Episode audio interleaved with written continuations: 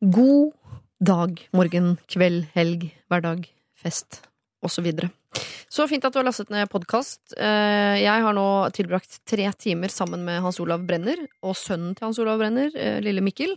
Eh, Line Verndal har vært der i tre timer, og Håvard Lilleheie har vært der i tre timer. Og på et eller annet tidspunkt så sier vel Harald Nei, Håvard Lilleheie eh, Sorry, jeg fikk melding av Harald Eie samtidig, fordi han skal være rådgiver snart. Og gleder seg til det.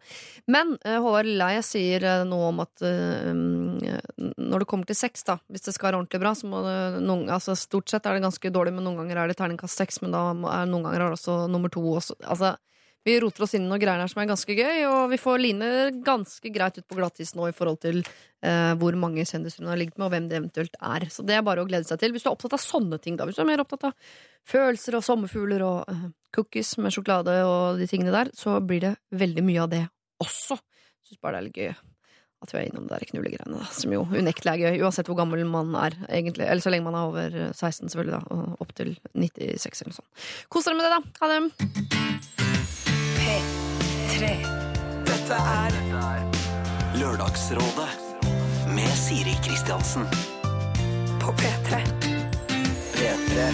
God, god og atter så god morgen. Klokka har blitt eh, syv over eh, ni, og allerede har vi to i fellesskap rukket å høre Calvin Harris sammen med Haim. Pray to God. Nå er det Lørdagsrådet som gjelder de neste tre eh, timene. Og jeg gleder meg til dagens rådgivere kommer. Men før den tid så har eh, du og jeg et og annet vi skal eh, gjennom. Eh, Jeg tenkte jeg skulle snakke litt om bryllup. Og du tenker kanskje igjen skal hun snakke om at hun vil gifte seg med sin lokfører eh, og det maset og det sjaset der. Nei, egentlig ikke. Eh, Jeg har vært i et bryllup. Altså Forrige lørdag så var jeg i et bryllup sammen med min kjæreste lokfører. Og tre ganger i løpet av bryllupet så sa han Å, det ser veldig koselig ut å gifte seg, da. Tenkte jeg eh, da. Så nå har jeg lagt inn i eh, våre felles ferieplaner for 2015 en bitte liten ekskursjon til det stedet der jeg jo mener at det hele skal finne sted en vakker dag. Men nok om det. Det var ikke mitt bryllup det skulle dreie seg om, men egentlig bryllup generelt, fordi jeg elsker å sitte til bords, og jeg elsker å høre på taler. Og selvfølgelig så er jo ofte høydepunktet hva taler angår, eh, når bruden eller brudgommen reiser seg og skal holde sin eh, tale til sin elskede. Og jeg blir så rørt hver gang av å høre og faktisk også se hvordan de stråler, og hvordan brudeparet ofte oppfører seg eh, som et team hele kvelden. De er så innmari samkjørt, og så innmari enige, og så innmari lykkelige, og så innmari alt. Og så innmari tospann, først og fremst, i hvert fall for den kvelden. Men allikevel, det sterkeste inntrykket jeg har etter de bryllupene jeg har vært i, er det alvoret som ligger i at to stykker har valgt hverandre. Altså, Man velger jo hverandre når man blir sammen også som kjærester, og noen ganger så velger man hverandre for en natt bare, eller en liten ferietur til Hellas. Men det derre valget om å dele livet sammen, herfra og ut, det syns jeg er så vakkert, og det blir veldig konkret i et uh, bryllup. Men så har jeg en venninne som fortalte her en kveld hvor vi satt og utvekslet litt uh, agg over menn, uh, og at hun åkke som hun hadde valgt sin mann, og hun hadde valgt han for livet. Og de er ikke gift, men hun hadde personlig bare tatt et valg at det var han herfra og ut, uansett hvordan det gikk. I eh, dårligere og bedre tider og alt dette der. Og det hørtes og føltes like ekte og forpliktende ut som de gangene jeg har vært i et bryllup, og noen dager senere så tok jeg det samme valget. Jeg trodde jeg hadde gjort det fra før, jeg har jo valgt min kjæreste, altså, men jeg satte meg ned og tok et konkret valg inni eh, hodet mitt, og jeg tilla det en tyngde og en formalitet og en kjærlighet. Og det var så fint, for jeg tror nemlig, kall meg naiv, men jeg tror at man kan velge, eller i minst hvert fall styre ganske i stor grad, hvordan det skal gå. I hvert fall på vegne av seg selv Et valg, da i form av bryllup, som har ødelagt for en hel generasjon jenter, det er valget Carrie tar i sex og singelliv den gangen hun endelig gifter seg med sin Mr. Big. Etter årevis med drama, opp og ned, sammen, ikke sammen, dumping, frieri og alt det greiene der.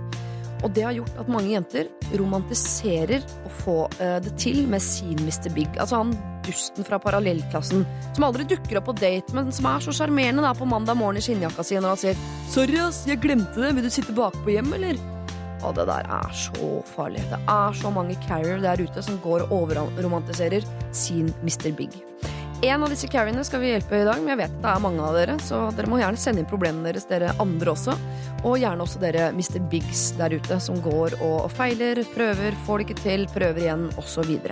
Felles eh, mailadresse, så får dere begge. Eller alfakrøll nrk.no er adressen dere bruker. Straks skal vi ta et lite tilbakeblikk her i Lørdagsrådet, men før den tid Lady Gaga. Dette er Pokerface. Lørdagsrådet På P3. P3 Pokerface, altså Lady Gaga, var eh, det her. Partystemning i Lørdagsrådet så langt uh, i dag. Haim og Calvin Harris og Lady Gaga. Det er bare å finne fram danseskoene. Eller sette seg ned. Ta en kopp kaffe og bare slappe av. Kulen hvis man har muligheten. Man skal alltid kulen hvis man har muligheten. Eh, dagens første råd. Forrige lørdag så var Solveig Kloppen her som rådgiver, sammen med Erik Solbakken og Torbjørn Røe Isaksen. Og i eh, bunken av eh, problemer som de diskuterte seg gjennom, så dukket Amrita opp. Eh, Amrita er en adoptert jente som ikke har noen elementer i livet sitt annet enn selve navnet Amrita til å minne henne om hennes opphav, som er noe hun overhodet ikke identifiserer seg med. Og Amrita lurte på om hun skulle beholde navnet sitt i det hele tatt. Hun var lei av å bli stilt spørsmål om hvor kommer det navnet fra, og bli satt i situasjoner med fremmede folk, egentlig, der hun følte seg tvunget til nok en gang å fortelle at hun var adoptert. Noe hun selv ikke syntes øh, var verdt å tenke så mye på. Men altså, hun blei konfrontert med det til støtt og stadighet, sånn cirka hver gang hun måtte fortelle nye folk hva hun het. Hun lurte på om vi syntes det var ok om hun tok til seg et mer norsk navn, et som hun følte seg mer hjemme i, eller om det ville være et svik mot hennes opprinnelige opphav. Eh, noen av rådene Solveig, Erik og Torbjørn ga, de skal du få her. P3. Hun må ikke finne på å skifte navn. Det her, Fordi altså, eh, det er jo For det første er det en litt sånn 20-årsidé. 100% sikker på at eh, hun kommer til å angre på det. Hun er, hun er norsk. eh, Hun må ikke skifte navn. Eh, Så det er jo ikke spørsmålet. Det- er jo litt sånn 20-talls. ikke sant? Alle, alle måtte hete Gunnar eller Ola uansett hvor de kom fra. Men Og kjønn. ja, vi kjenner veldig mange kvinner. Kan hun ikke få et nytt Kan hun ikke bruke, bruke Amrita som et mellomnavn? da? Og så få et øh, kalles, få et, Gunnar Merita. ja. hun føler seg ikke hjemme i det navnet, for det representerer ikke henne. Og når folk sier da tar du bort din utenlandske identitet Ja, men Hvis hun ikke har noen utenlandsk ja, ja. identitet, så må hun få lov å ta bort det derre Men hun kan jo øve seg litt i nye settinger da, på en fest. Gå rundt og si 'jeg heter Gunn'. Ja, for løgn er egentlig ditt uh, svar, Solveig. Ja, Det er, eh, gjennom- gjennom- Dette er Lørdagsrådet På P3. P3 Det var altså noen av rådene som Amrita fikk for en uke siden. Og uh, vi har vært så heldige å få altså, en oppdatering siden sist hun skriver til oss. Først og fremst, takk for at dere tok opp problemet. Etter å ha hørt igjennom flere ganger, ble jeg enig i at, det, at jeg bør beholde Amrita som mellomnavn, og heller ta et norsk fornavn. Jeg skal prøve ut det norske navnet mitt i nye settinger før jeg bestemmer meg helt, sånn som dere foreslo. Viktig for meg å høre at dere ikke syns det er et svik fordi jeg fjerner den utenlandske identiteten. Og dere klarte veldig bra å sette ord på hele problemet, som da du, Siri, sa at dette var det siste som var igjen før jeg skulle føle meg helt norsk. Koselig å høre at rådgiverne likte navnet mitt, og takk for fine råd. Hilsen snart norsk for fornavn, men enn så lenge Amrita. Vi har altså klart å beholde det forrige, men tillegge noe nytt, og det syns jeg i seg selv er en liten seier for Lørdagsrådet. I dag fram til klokka tolv så skal vi prøve å gjøre det om igjen og om igjen og om att igjen. Altså tillegge deg noe nytt, gi deg noen råd eller noen tanker du ikke hadde fra før. Så send inn problemet ditt til oss. Du bruker lr, alfakrøll, nrk.no. Dette er P3. Dette er P3 Nero med The Thrill og før det James Bay Hold Back The River. Sitter her nå sammen med de eh, tre rådgiverne vi har uh, plukket ut, satt sammen uh, til dagens lørdagsråd. Og dere var alle litt uh, i stuss over at det har blitt så innmari fint inni dette studio. Eh, Håvard, du var uh, lilleeie. Ja. Litt skuffet over at ikke du blir filmet, eller? Ja, for det er jo sånn kameraer her. Ja, etter P3 Morgen. Mm. Jeg syns bare det var noe rart å ha et liksom, hjemkamera foran deg og ikke kunne liksom, gå i det og melde også visuelt. da Ja, du må, kan jo bare fake. Du må gjerne late som Altså, Lev deg inn i det. Men kan vi ikke heller bare streame det et eller annet sted? Få på noe stream. Få på Ja. noe stream. Ta streamegreiene, da. Du skal sende en mail til Vilde Batzer og høre om det er mulig å få på noe stream. Ja. i, i Nå i løpet av Nei, men i løpet av nærmeste Altså i dag, ja. 20 minuttene. Ah, ok, Hvis du hører på, Vilde, få på noe Få stream. på noe stream. Få på noe stream. God morgen til deg også, Hans Olav Brenner. God morgen. Eh, Du sitter i en I Love Tzatziki-caps og har med barn i vogn. Det er, ja. du er en uh, sammensatt type. Jeg er veldig sammensatt. Altså, når det gjelder capsen, så er jeg veldig glad for den. For det er første gang, som dere ser, så kler jeg den jo ganske godt. Ja. Uh, og det er aller første gang jeg har kledd en caps. Ja. Da var det litt trist at den var knall rosa med et stort rosa hjerte, men det lar jeg passere. Og så spiller jeg en svensk barnefilm om dagen på Kreta, som heter Tzatziki. Så da er dette liksom sånn en form for sånn ti minutters promo hver dag. Da. Men Heter filmen Tzatziki, eller er det et sted eh, på Kreta som også heter Filmen Tzatziki? heter eh, Tzatziki, farsan og olivkriget. Ja. eh, Og bygger på en svensk barnebok, da. Ja, Og du er far, eller? Nei, jeg er Nei. en slags form for norsk bad guy. Så det var en telefon som kom litt ut av det blå, egentlig. Det vil jeg gjerne se. En sånn svensk castingdame som ringte og sa at det var eneste naturlige i verden var at jeg kom til Kreta og spilte norsk bad guy. Ja, vil du være bad guy. Ja. Ja. Så den muligheten får jeg antageligvis en gang Ja. i livet. Det gleder jeg meg. Men Hvordan, snakke hvordan ja, jeg, Altså, jeg får alltid, når, når, han, man spiller en svensk bad guy, som han gjør, Ja. Jeg har veldig lyst til å høre liksom Nei, norsk, norsk bad guy Norsk bad Ja. i, i et svensk univers. Ja. Men Hvordan liksom du leverer norsk bad guy-replikk i en svensk barnefilm. Ja, og på litt uh, svorsk fikk jeg beskjed om for Ja. at det skulle være mulig for seksåringer å forstå det. Kan vi få høre litt? Um, Få en replikk. Det er så gøy. Ja, men det var noe sånn i går så var det sånn Ni dere imbesila byboer. Altså det, var, altså det var noen replikker som lå litt tungt i munnen. Ordet imbesil, eksempel, syns jeg er vanskelig å si på svorsk. Men du leverte med mer energi. Ja, med mye, mye mer energi. Men imbesil, er det et ord som brukes mye i barnefilm? Eh, altså, Jeg syns det var litt artig at det dukka opp der. Ja. ja, okay. Ja, ja. Eh, god morgen også, Line Verndal. God morgen. Jeg ser at du har lyst til å kommentere, men tenker er det proft av meg å hive meg på noe? Ja, har jeg, ikke blitt tenker, presentert ja, jeg og- tenker at disse skal få lov å snakke litt, og så holder jeg litt munn. jeg. Har du fått spille bad guy noen gang? Ehm, eh, på teater så har jeg vært sånn slemme fem fatale-roller. Ja. Um, men generelt så er jeg vel stort sett uh, Jo, jeg gjorde Gjøkeredet her nylig. Ja, og da var, Og da var jeg hun uh, Ratched, hun grusomme. Eh, så det var Jo, hun er jo rimelig slem. Jo, Hun pleiersken? Ja. Ja. Mm. Men er det som du sier morsommere å spille slem enn snill? Um, jeg syns egentlig ikke det, for jeg syns det var litt vanskelig. Jeg måtte tenke at jeg ikke hadde noen følelser, og det var litt kjedelig å spille en som ikke har noen særlig følelser, egentlig. Ja. Så jeg, jeg syns ikke det var kjempegøy. Det var veldig deilig òg, da. Nei, nå kaster jeg meg på alt det. Jo, men Har du så- spilt slem? For at jeg, Nei, men alltid eller når bare jeg- fått snille roller? Eh, jeg gjør jo Rodde, da. Han er- han er bad guy, ass. veldig, veldig sammensatt. Nei, men, eh, men det som jeg liker med Rodde, er at han er veldig sånn blid, men ikke sånn kjempeempatisk. Og det syns jeg er på en eller annen måte litt sånn ah, Det er så deilig å bare være en fyr som bare kan gønne på. Ja. Og så er det sånn, det må ikke spille empatisk. Er alltid, det er jo noen fyrer, og sikkert damer òg, men det er jo noen fyrer som er sånn Du merker at de, de er ikke så veldig empatiske i livet. Nei. At det, er, det er så ingenting som på en måte merker dem. Og så da tenker jeg ofte deilig å være sånn. Ja. Ja. Altså Litt på en eller annen måte fattigere, selvfølgelig, men likevel bare sånn eh, at, at alt ingenting Men da må man være helt komfortabel med det også, for det er noen som prøver seg på å være en sånn, så innimellom sånn en søndag i måneden så gråter de hele døgnet fordi eh, de har ingen nære venner og ikke noe ekte kjærlighet i livet sitt fordi de går rundt og er rasshøl resten. Det var litt sånn jeg tenkte hun Ratched var, da. For, Ja. å, for å forsvare det for meg selv. Men det er noen av dem som ikke er sånn. Ja, men da må du være he altså, Ja. he kalde hele veien gjennom, på Ja. en måte. Ja. Men, men jeg skjønner, det er psykopat, narsissist, altså hele spekteret der. Det er vel ingen av dem som har det helt bra, jeg har skjønt. Altså, jeg satt meg litt inn i det. Det er noe, det er noen kjipe følelser hele veien. Er det det? Ja, jeg har inntrykk av det, stort sett. Altså. Så det, går, det, er, van, det er vanskelig å være helt Bare, bare ha en vegg? Ja, jeg tror det. Ja. Jeg prøver litt sjæl, men det er ikke så lett. Ja, nei, ja. nei, jeg måtte dikte på meg. Jeg mista noen barn. Jeg lagde en lang historie på hvorfor hun var så kjip. da For at jeg skulle forstå det selv, selvfølgelig. Men det som har fritt som skuespiller til å lage selv, får ikke det utlevert av regi? Sånn, Nei, nei, det, må Du, det, er, det er jobben Det er jobben min. Det er det som er jobben. Det er det der å være skuespiller. ja. Jeg skjønner. Jeg trodde det var bare noe fake greier.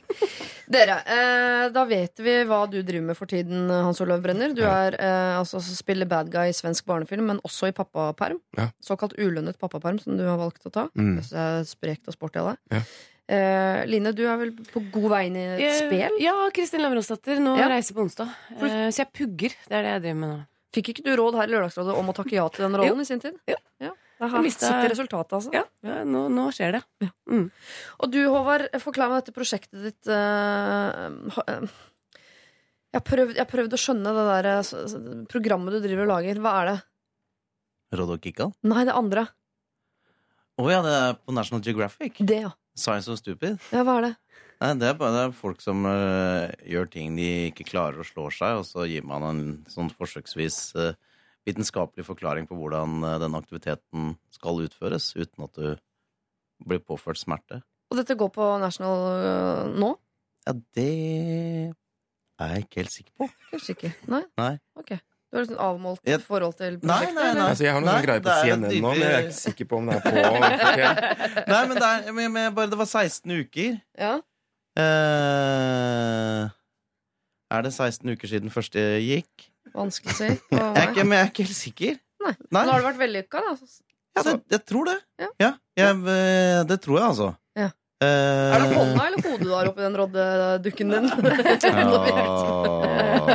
Ja, men jeg kan jo ikke vite alt. Altså, Nei, nei, nei. Du, jeg, det er jo var veldig hyggelig å få den jobben, og så, og så gjør jeg jo den jobben. Ja. Uh, og det var fint, det. Ja. Og så var liksom jobben ferdig, Ja. og så går det på TV. Ja. Og det er jo helt nydelig, da. Så ble jeg skutt ut en kanon sju meter, og da tenkte jeg nå har jeg, nå har jeg blødd mye for dette her. og så Landet du ikke på noe mykt? Nei, jo, jeg landa på en tjukkas. Ja. Jeg fikk vondt i anklene, da. Hatt siden? Nei, det er gått over. Så vidt, ja. ok. Mm. Dere, Vi skal ta en runde på sivil status. Det gjør vi også, uh, alltid her i Lørdagsrådet. Og jeg begynner med Hans Olav Brennen, for jeg regner med at der er svaret liksom Gift. Eh, som før. Mm. Eh, to små barn. Ja. Jeg veldig, den minste har du med deg her i dag. Jeg ser Ja. at det- lages litt lyder i vogna, så Ja. du er litt fysen på å gå ut og se. Ja, litt, men Ja. eh, det var litt dårlig start. Han skulle sove halvannen time. Ja. Du kan bare gå ut, altså, for jeg kan imens spørre Line Verndal åssen Ja. står det til den sivile- statusen din. Nei, vet du hva, akkurat nå skjer det jo øh, forbløffende lite. Er det ikke noe nå er det veldig kjedelig. småbiffs på det der Um, spelet ditt? Uh, vet du, Det veit jeg ikke. Det kan godt tenkes. Jeg har jo ikke møtt dem ennå. Um, men nå har jeg jobba mye og vært veldig alenemor, så nå er det veldig kjedelig. Jeg har, ikke noe, jeg har veldig kjedelig liv om dagen.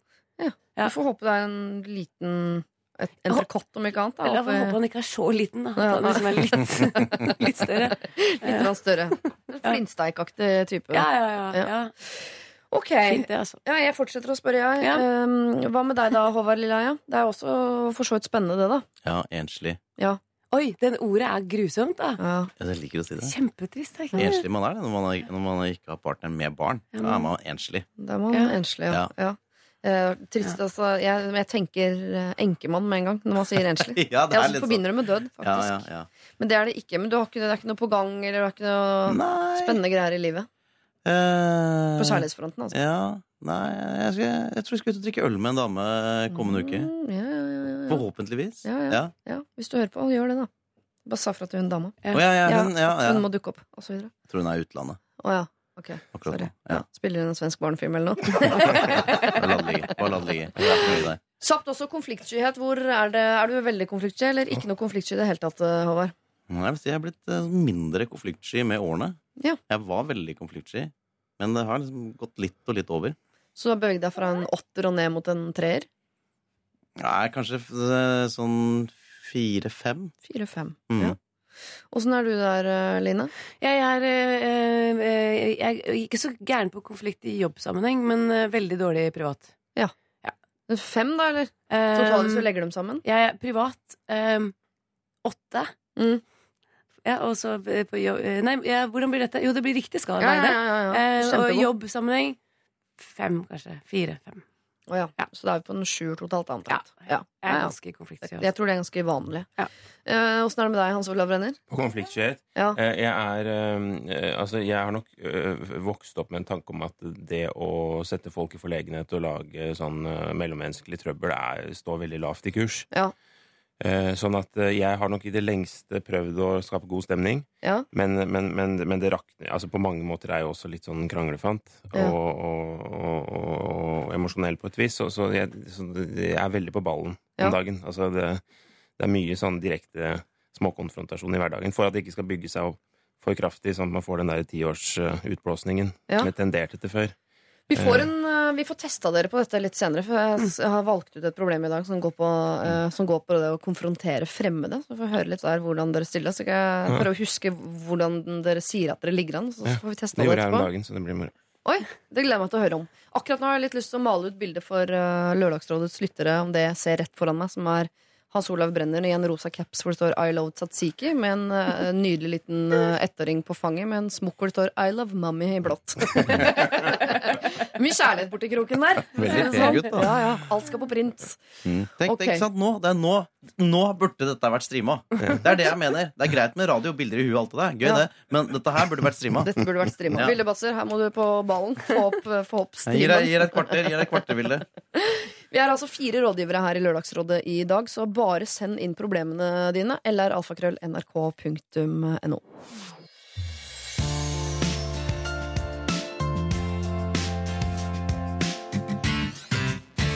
Big Bang med sin eh, Wild Bird har vi hørt der. Og til Håvard Lilleeies eh, store glede. Du var så glad du når du hørte den sangen. Jeg liker den sangen. Det er veldig Ja. lenge siden jeg har hørt den. Ja. Men det er først og fremst at det er når en sang du har hatt et godt forhold til, Ja. har vært borte fra livet lenge, og så dukker opp igjen. Positive assosiasjoner. Ja, du ble veldig lykkelig. så var jeg et godt sted i livet mitt når denne låta ble gitt ut. ja. Hvilket år snakker vi? Er det Ah, så... her vi snakker Det er, det er lenge siden. Ja. Hva er det Det er, det er sånn 99, liksom? Eller? Ja, det er rundt årtusenskiftet. Ja, det er rundt årtusenskiftet. Altså. Ja, det var bra, det. Var det var året du kjøpte inn masse hermetikk og gravde ned i kjelleren? er det 99, eller? Ja. Oi, oi, oi. Gud, for en indre klokke jeg har. Det er helt sykt. Det var han som sa det først. Var det? Nei. Det kan podkast gjerne, altså. Men det, jeg er ikke opptatt av å vinne, jeg. Men de få gangene jeg gjør det, da skal jeg ha Ja, det det ble sagt 99, og så bekreftet jeg det med en voldsom autoritet at det var rundt årtusenskiftet. Ja. Det er den autoriteten Håvard plukket opp. Rådgiver i dag er jo da Hans Olav Brenner, Håvard Lilleheie og Line Verndal. Vi skal ta morgenens siste problem, som er sendt inn fra en som kaller seg for Carrie. Og det er ikke helt tilfeldig, det. Bare håndsopprekningen din på hvem som har sett Sex og singelliv eh, her. Alle har sett Ja. Sex og singelliv. Alt. Jeg har et problem, og jeg trenger hjelp. Her kommer det. Når jeg var 18 år, traff jeg min livs kjærlighet. En person som jeg knyttet et vanvittig sterkt bånd til, og ikke minst til familien hans. Vi hadde et veldig turbulent forhold der ingen av oss egentlig visste helt hva vi ville. Etter ca. to år ble det slutt. Jeg var knust, og etter mye fram og tilbake så fant vi sammen igjen, og kjærligheten blomstret. Alt var perfekt. Dette gjentok seg en del ganger. Vi ble sammen, det ble slutt. Vi ble sammen igjen, osv. Vi har begge vært i forhold med andre i løpet av denne perioden, og i dag er vi ikke sammen. Jeg har samboer, og jeg har vært sammen med min samboer i tre år. Men nå kjenner jeg at følelsene for eksen dukker sakte, men sikkert opp som en djevel på ryggen. Vi treffer hverandre i noen få sammenhenger, og da kjenner jeg et spesielt bånd til både han og hans familie. I dag er jeg 29 år, det er altså 11 år siden jeg traff han første gang, og 11 år med usikre følelser og sterke bånd. Samboeren min er en fantastisk mann som vil meg alt godt. Jeg har et trygt og stabilt forhold til han, noe jeg ikke har hatt før på samme måte. Det neste steget for oss er barn. Ja, vi snakker om det. Spørsmålet mitt til dere er Er det verdt, å satse på gamle trakter? Jeg føler jeg skylder det en sjanse til, for han er virkelig min store kjærlighet, og det jeg vil kalle en sjelevenn. Eller holder jeg meg i det forholdet jeg er i, trygt og godt og ikke minst stabilt forhold? Om det kommer barn inn i bildet, så er jo skipet seilt, og jeg er så ufattelig glad i han, og jeg blir knust bare av tanken på å skulle såre han. Men tanken slår meg allikevel. Hva om jeg sitter der da om 30 år og tenker hva om? Hva om jeg hadde kastet fra meg alt og hadde virkelig satset på min Mr. Big? Ja, han er som Mr. Big. Hilsen Carrie. Problemet oppfattet. Ja. ja. Jupp, jupp, jupp. Her er det altså en som eh, romantiserer den der eh, store og antageligvis første virkelig liksom, spesielle kjærligheten i livet sitt. Ja, Er ikke problemet med Mr. Big at du aldri klarer å opprette et ordentlig forhold med ham? Hun gifter seg jo til slutt. da Det er det jeg mener at eh, Mr. Big og Carrie og Sex og Singelliv Vi har ødelagt for en generasjon kvinner. Fordi vi tror at uh, vi kan få rasshølet til å bli mykt som smør. Ikke bare han blir det på slutten, ja. Av filmen eller serien, eller? Ja, det Nei, film. Ja, det Ja. film på slutten her. Men jeg føler at når du går over til film, så telles det ikke lenger. For da, ah, ja. da går man inn en annen måte å tenke historie på. Ja, ok. Ikke sant? Jo, det er Ja, ja, ja. sant. Så da, da telles det ikke. Nei. Mm. Men, men ble, de, ble de gifta sammen på TV sånn for godt, eller skjedde det bare i filmen? Hva var det sesong? Hva var Jeg det gifta seg ikke på TV, nei. nei, nei. Nei, nei, nei, så da, tel, da telles det ikke. Men eh, jeg Problemet er jo Det er krevende. Eh, Det er jo liksom Det er jo the one that got away. Mm. Eh, som som alle, alle har jo en sånn i sitt liv. Mm. The one that got away. De fleste. Ja, nei. Ja, jeg, men jeg, jeg må innrømme at liksom, den store første kjærligheten, den er jo så stor uh, for meg fremdeles fordi den var ulykkelig. Ja. Eh, fordi det, al- al- det funket jo aldri, og jeg løp etter han og fram og tilbake. Og det ble aldri oss, og tenk hvis. Eh, men jeg tror ikke faktisk som en voksen person at det hadde vært eh, heaven å vært sammen med han. Eh, men den, den, er, den ligger som en sånn romantisk forestilling, da. Ja. Heaven eller heaven, tenker jeg er fin overskrift der, ja. Ja. Men fordi hun er jo redd for den hva-om-tanken. Men eh, den kan jo Den vel man så jo. gjerne dukke opp. Hvis hun nå forlater dette trygge, eh, fine eh, forholdet, stabile, fullt av kjærlighet, og eh, løper etter Mr. Big igjen, Mm. får noen turbulente greier med han som ikke aner hvordan han går, så er jo sjansen vel så stor for at hun sitter om noe og tenker sånn Åh, hva om jeg var blei og sånn nydelig fyren? Da hadde jeg nå hatt barn, rekkehus, alt jeg kunne drømme om. Mm. Alt du drømte om. Ja. For jeg føler Det jeg hang meg opp i, i, i, i altså, sånn Rent tekstmessig så hadde hun ikke tenkt å fortelle om altså Når Carrie var innsalget, så det med Mr. Big, det skjønte vi. holdt jeg på å si. Men, ja. men det er noe greit. Men jeg tenker at uh, han er min store kjærlighet. Det var en- liksom en sånn slags formulering i retning av det, og sjelevenn. Det var liksom ikke noe tvil om det fortsatt sto ved lag. Og det gjorde meg litt usikker, fordi at altså, hvordan kan, altså, Det virker som hun hadde en eller annen form for oppfatning om at det fortsatt var tilfellet. Eh, Ja, de Og- og- treffer hverandre innimellom, og da dukker den følelsen opp. Den Ja, sterke tilknytningen og Og han er min store kjærlighet. Den kan du liksom ikke argumentere mot. Det er jo ganske overbevisende materie, da. Altså, du mener at hvis, hvis det er den store kjærligheten, så må hun satse på den? Ja, må jo på en måte det. Ja, for jeg tenker Hvis man er vant til et sånn turbulent forhold da, som de er, av og på, opp og ned ikke sant? Da blir jo, Når det først er bra, da, så oppleves jo det som veldig veldig sterkt og ekte. Mm. Og hvis det er det man er vant til, så vil jo ethvert vanlig forhold hvor ting ikke er opp og ned og fra hverandre og sammen, og sånn, det vil jo virke kjedelig. Det vil alltid blekne. Ja. Mm. Og det er jo sånn at den første, altså den første gangen du er ordentlig, ordentlig forelska og får det gjengjeldt på den måten Altså, det er jo en eller annen følelse fordi du er ung, og fordi du, du føler ting for første gang. Ja. Det vil jo alltid Altså, på noen måter så vil det slå alt annet. Ja, så da, jeg tenker at de Forholdene man har senere i livet, De må jo konkurrere uh, i den grad det er en konkurranse. Må konkurrere på noe annet, for det blir ikke like turbulent eller voldsomt eller sterkt. eller alt sånt, Men det kan by på noe annet. Det kan by på noe som jeg mener er eh, bedre på lang sikt. Eh, kjærlighet, varme, stabilitet, de tingene der. Som jeg mener er viktig i et forhold uh, på lang sikt, enn det der når man er 18, når man har tid og råd og mulighet til å drive og hoppe av og på, fram og tilbake og uh, hater deg, elsker deg, knuller, slår hverandre. Altså, skjønner du, hele den pakka der. Det jeg skulle likt å vite, da, det Ja. er at For hun sier at hun møter han Mr. Big-fyren, eh, og at hun alltid føler at det er et eller annet. Men, men vet hun at han hadde gått for henne en gang til nå? Men har hun en slags følelse, eller hvordan Ja, det var ikke noe i brevet om hvorvidt hva han føler for henne noe særlig, var det det? Nei, Hun sier bare at den, det sterke båndet og semien dem imellom er der når de treffes. Ja, så han, da da han bare- kjenner på det samme? Ja, Vi får bare gå ut fra at hun snakker for dem begge, da. Men hva er det hun ønsker seg i livet, da? For dette er hun en rastløs person som vil ha turbulens? For det er noen som er litt sånn. Jeg er en lite bitte grann rastløs person. Sier du det? Sier du det? Som ikke er nødvendigvis rekkehus og fem barn sånn i utgangspunktet. Ja. Um, eller, eller ønsker hun seg et liv med, med familie og mann og barn og eh, det må hun egentlig finne litt ut av, for det er jo ikke sikkert at det kan hende hun kveles i dette rekkehuset hvis hun ikke er typen til det. For nå føler jeg nå har hun møtt pose, og hun har møtt sekk. Hun kan ikke få begge. Altså, hun Nei, eller ikke kan hun det? Hun prøver å få til en litt sånn spesiell ordning med begge to? Hvor er begge Å, litt fransk Ja, forhold. Det har vært supert.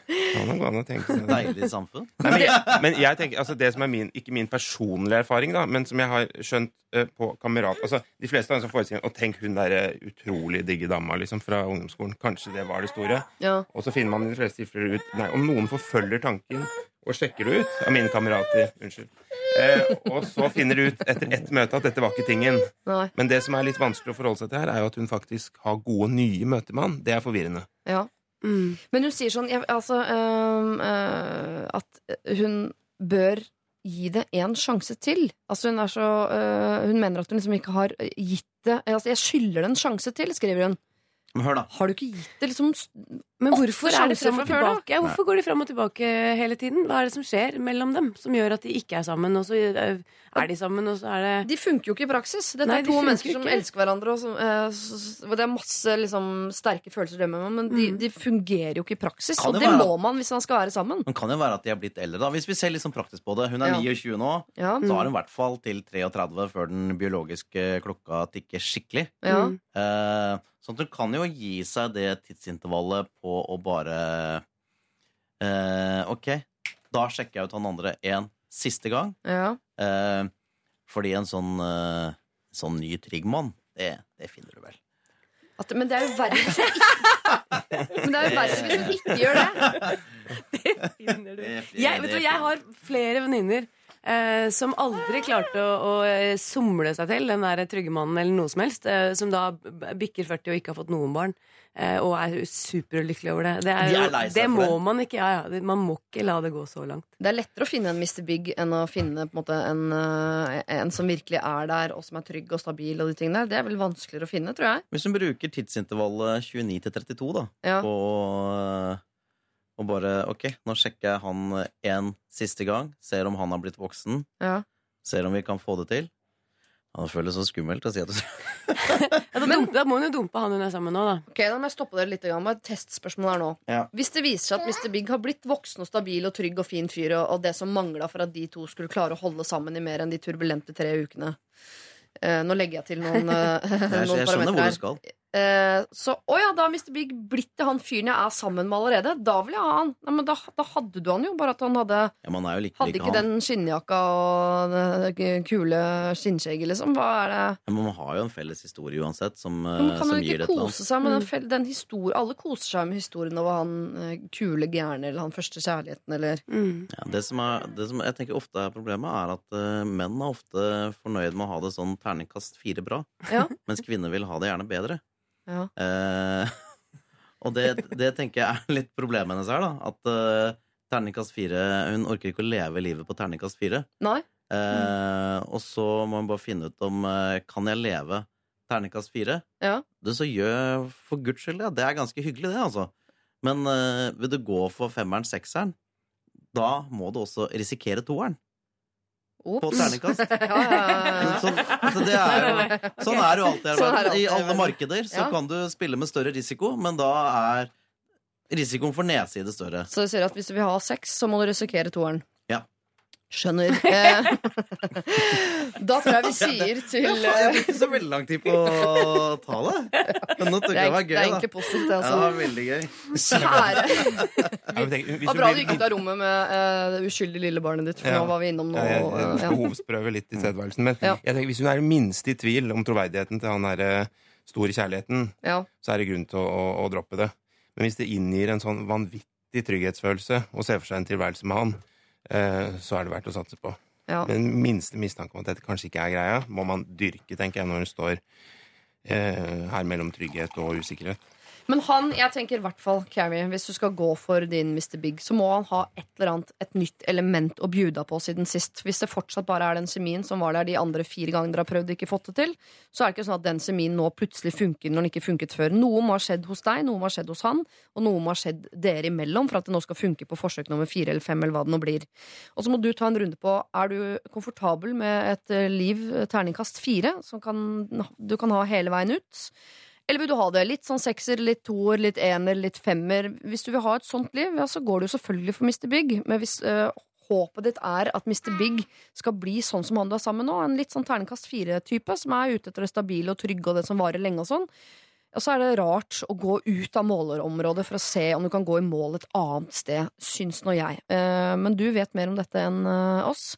Eh, men jeg mener at Mr. Big ah, det er ikke riktig hest å sette penga sine på, altså. Men eh, herregud, hvis du er ute etter berg-og-dal-banelivet, kjør på, som de sier. Send inn dine problemer til oss, eller alfakrøll nrk.no.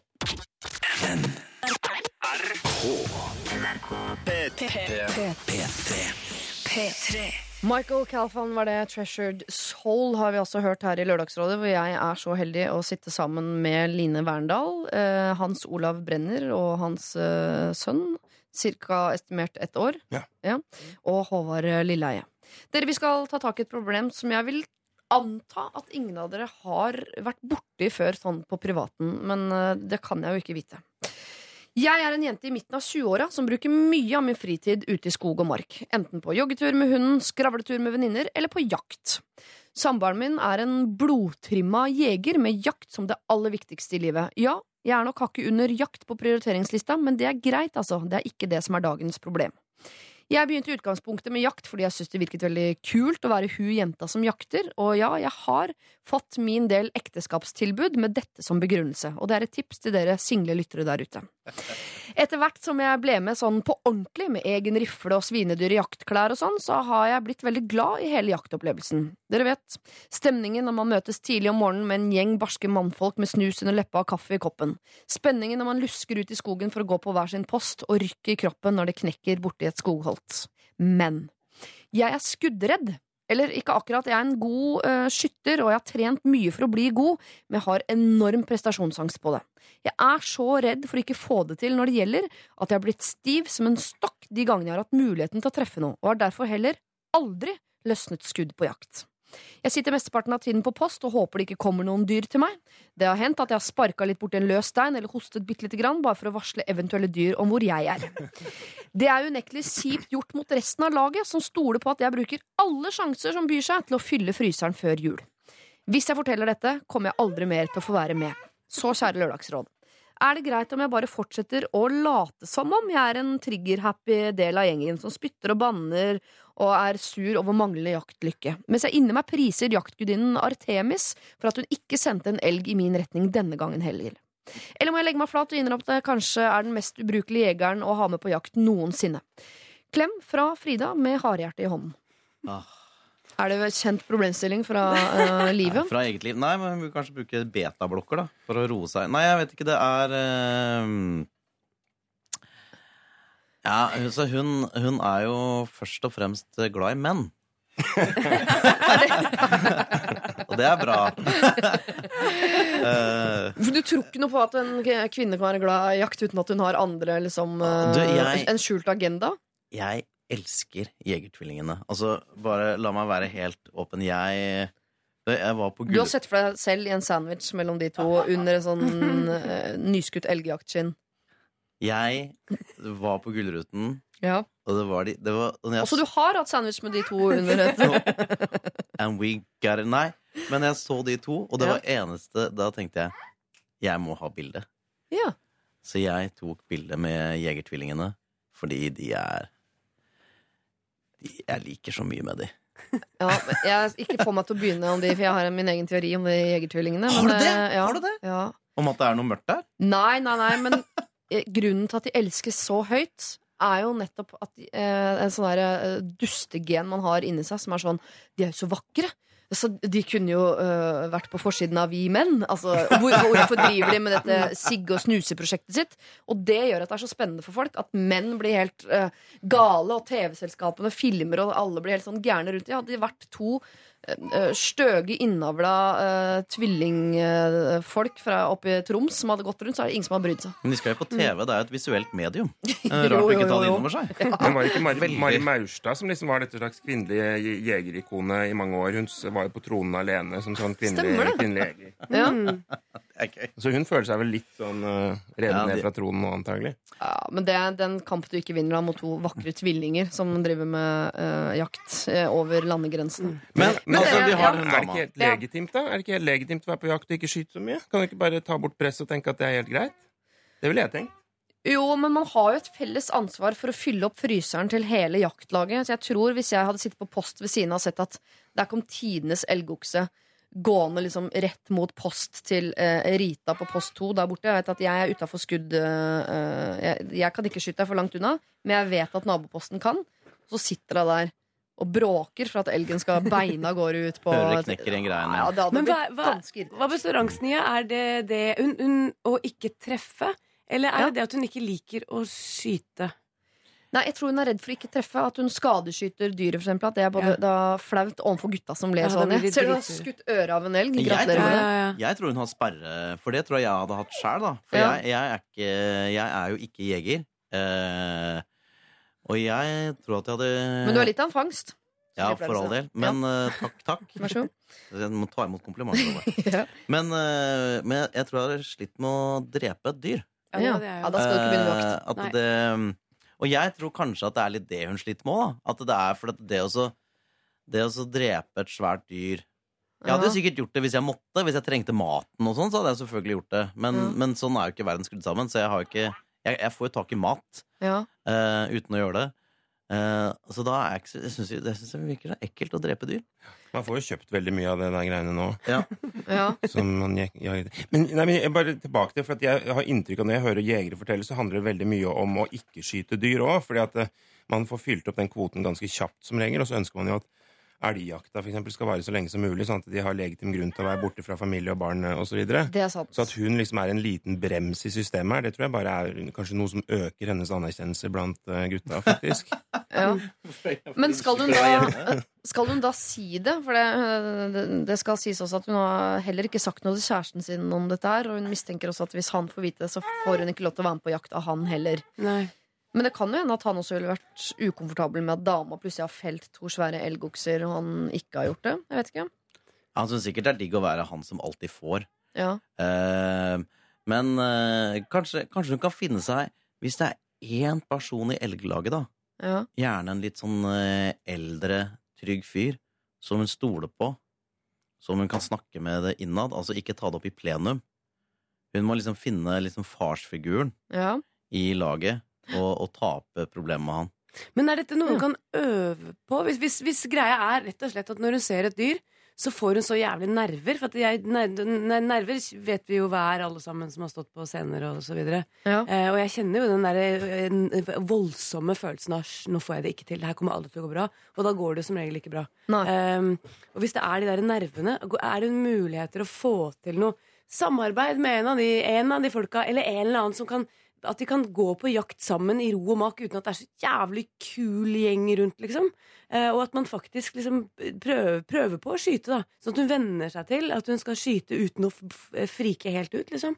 Ja, for jeg tenkte på det med en gang At kanskje hun skal bare si til kjæresten sin Kan vi sitte sammen på post en gang Fordi jeg får litt prestasjonsangst Ja. Jeg trenger bare at du er der Sånn at jeg får skutt en elg Og så er jeg on my own derfra Ja. Men eh, eh, så har jeg vært så heldig å være på elgjakt selv noen ganger Jeg måtte hente fram noe eh, gammel eh, erfaring derfra Og det er jo Har sånn du skutt og drept? Nei, jeg har ikke skutt og drept. Mm. Men man, for det første skal man ikke sitte flere på post. Nettopp fordi at den minste lille lyd Og det er umulig å sitte på post sammen uten at det blir noe skravling eller noe eh, sending av kaffe bakover osv. Allerede der har du skremt bort elgen. Eh, og så tenker jeg sånn at det, Du skal sitte på post Du kan sitte på post kanskje tolv helger uten at det hele tatt går en elg forbi din post. Så det er ikke snakk om at du ber kjæresten din om å sitte på post med deg én helg. Må, vi snakker kanskje en sesong eller to Mm. hvor de må sitte sammen på post. Og når det da endelig kommer en elg forbi, så skal du skyte. Da skal ikke kjæresten din få skyte, som vet at hvis jeg hadde vært aleine nå, så hadde jeg bullseye på den elgoksa.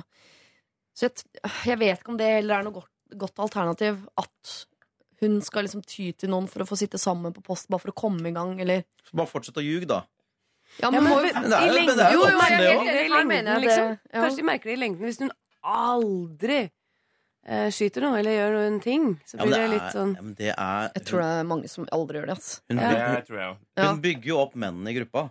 Altså, De er bare ja, men hun får råd. Aldri skutt. Å Kvinnfolk. ja, ja, å, ja, de får Ja, ja, lov men å er være hyggelig å være med, skjønner. ja, Ja, ja, damer får ikke til en ting. Altså, hvis man skal klare å rekruttere kvinner til eh, elgjakt og styreposisjoner og alt, Ja. så må de jo slå seg til ro med at de kan sitte der og ikke gjøre en dritt og være udugelige. Ikke sant? Det er ikke, vi må ha masse udugelige kvinner på elgjakt før det Før en det måte dukker opp en Erna. Før på det en dukker opp en Erna. Ja.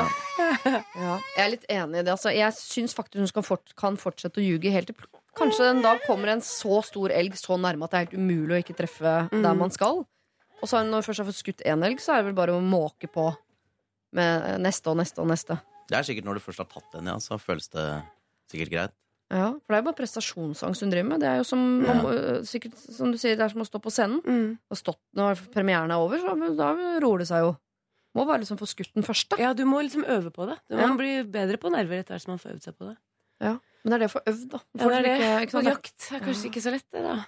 Men betablokker, da? Eller eh, Men kanskje du kan gjøre sånn eh, Jeg vet sånn Når de tester sånn kule for militæret og sånn, så skyter de jo griser for å også se hvordan eh, Ekte griser? Ja, hvordan de bedøver dem, og så skyter de dem.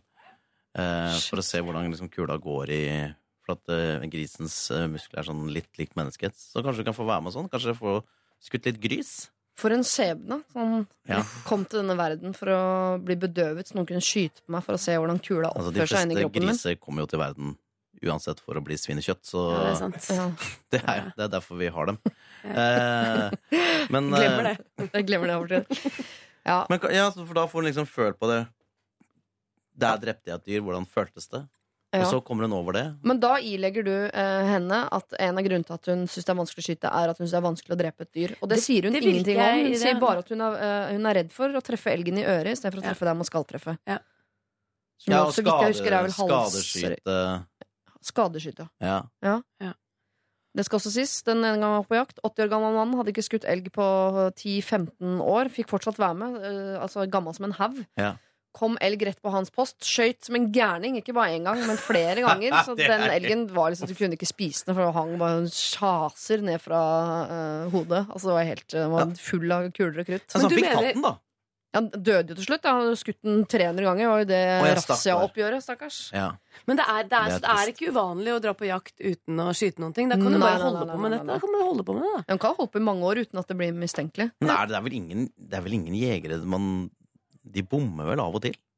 Og treffer et sted de ikke burde. Er ikke det, er ikke det en del av risikoen? Jo da, men du skal være så nærme og så trygg på at dette går bra. På at du, øh, det, skal, det skjer ikke ofte, dette. Altså. Gjør det ikke det? Nei. I den virkelige verden? Ja, nei, det tror jeg faktisk ikke at det gjør. Nei.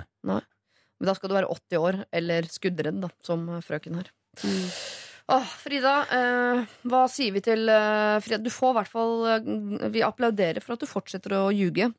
Det er ikke så ofte vi gjør det her i Lørdagsrådet, men her mener jeg faktisk at hvis din opplevelse av å være med på jakt er uh, god nok som den er, uten at du skyter, så syns vi at du skal kose deg med det. Dere er mange på det laget, og det er sikkert mange som setter pris på at du ikke skyter. Altså. Det, det vil jeg bare kose meg med. Og kanskje, kanskje en dag så får du det til allikevel. Men da må du jobbe med prestasjonsangsten, og den blir ikke borte av at du deler dette her med noen fler. Jeg tror bare du må, liksom, du må komme i gang på en eller annen måte, og da handler det om at du må skyte den første elgen. Og hun elsker jo å henge med gutta. Mm. Ja. Elsker å henge med gutta. Det gjør jeg jo. Skjønner den. Det er mange andre typer jakt det også går an å gå på, men nå er jo det i fast forhold, så ikke gjør det, da. Frida, fortsett å gå på jakt, og så krysser vi fingra for at du en dag skal komme deg over denne skuddangsten som du har. Kanskje du må øve på noen døde griser, da? Dette er Lørdagsrådet På P3. P3. Carly Rae Jepsen, I Really Like You, hørte du der, her i, der, her i Lørdagsrådet, hvor jeg for øyeblikket sitter sammen med Line Verndal, Håvard Lilleheie og Hans Olav Brenner, og nå også en uh, ca. én meter høy eh, variant av Fantorangen, som har gjestet eh, vårt studio her i Lørdagsrådet i dag. Eh, og, og selvfølgelig også sønnen til Hans Olav Brenner, som er blid som en lerkefugl. Dere, eh, det er nå vi har kommet dit som jeg sa i dag morges, at jeg skulle teste denne konfliktskyheten deres. Her om dagen var jeg på butikken, og damen foran meg i køen hadde bomma litt med på påkledningen. Vil si at genseren var på vranga, og vaskelapp på hals og hofte skrek imot meg. Skal jeg si fra eller holde kjeft? Hva med gylfen åpen, buse i nesa, syltetøyrester i skjegget, maskara under øynene osv.? Skal man si fra, eller skal man holde kjeft? Gitt at det er fremmede eh, personer, eh, eller noen man ikke har en nær relasjon til. Personlig syns jeg det hadde vært helt topp at noen hadde gitt meg en diskré beskjed om at noe var i veien, f.eks. at gulfen min var åpen, slik at jeg hadde gått rundt en hel dag uh, uvitende om problemet. Jeg har diskutert dette med min kone, og vi har egentlig ikke kommet fram til noe som helst. Vi står faktisk bom stille. Hva mener panelet? Hilsen Knut Arne den rådville. Altså Her er det nesten en sånn samfunnsdebatt på hvorvidt skal man si fra til fremmede på buss og trikk og den slags om ting som Klesmessig. Ja, hva som helst. Bus i nesa, syltetøy i skjegget. Ja, ja, i, I går, når jeg kom hjem på kvelden, Mm. så, så lå det en fyr og skalv eh, sånn omtrent utafor døra mi. Ja. Så da, da tok jeg jo meg av han og ringte ambulansen og, og satt med han og fikk en lagt i sideleie og sånn Ja. til de kom. Så da er det jo åpenbart. Men da det- må man gripe inn, men da er det ikke en konfrontasjon. Nei. Da er det på en måte bare omsorg. Men det at folk har Jeg, det, jeg tror det er krevende i Norge, ass. Å si det til ukjente. At uh, du nå har du genseren på vranga. Det er jo alltid en risiko for at eh, sånn genseren på vranga-folk er gærne. Ja. Ja, ja. Altså, det kan skje den aldri- beste, ja, men det skjer oftere det den kan gærne. det skje mer med gærne folk, da. Ja. Så du veit aldri helt hva du får i retur. Men, men jeg har liksom jeg har alltid, fordi jeg som eh, innsenderen vil vite det selv, hvis man Mm. har buse i nesa eller som man ikke vet om, det er jo kjempeflaut. Eh, så jeg er eh, litt sånn at jeg sier fra. Ja. Eh, med, du, du prøver å være veldig diskré og prøver å gjøre det veldig rolig. Sånn at ikke det skal være kleint. For det er litt flaut for den du sier fra til. Men problemet syns jeg er i det øyeblikket jeg føler at jeg tar fra vedkommende status, hvis du skjønner. Um, Ja, hva du- er du da på buse i nesa, eller hvor ja, du da? hvis du står og har en alvorlig samtale med noen og sier eh, eh, Forresten, så har du en buse i nesa. Så du, du trekker jo vekk teppet rett under beina på vedkommende. Ja, i hvert fall hvis du Um. sparer det til midt i en diskusjon når du merker at fader, nå ligger jeg bakpå med argumentene Ja, men hvis er det er noen jeg, Ja, nei, nei, men hvis det er noen jeg kjenner, Ja. altså, da sier jeg alltid fra. Mm. Og hvis det er på jobben, Mm. så sier jeg alltid fra. Ja. Hvis det er på toget, sier jeg ikke så ofte fra.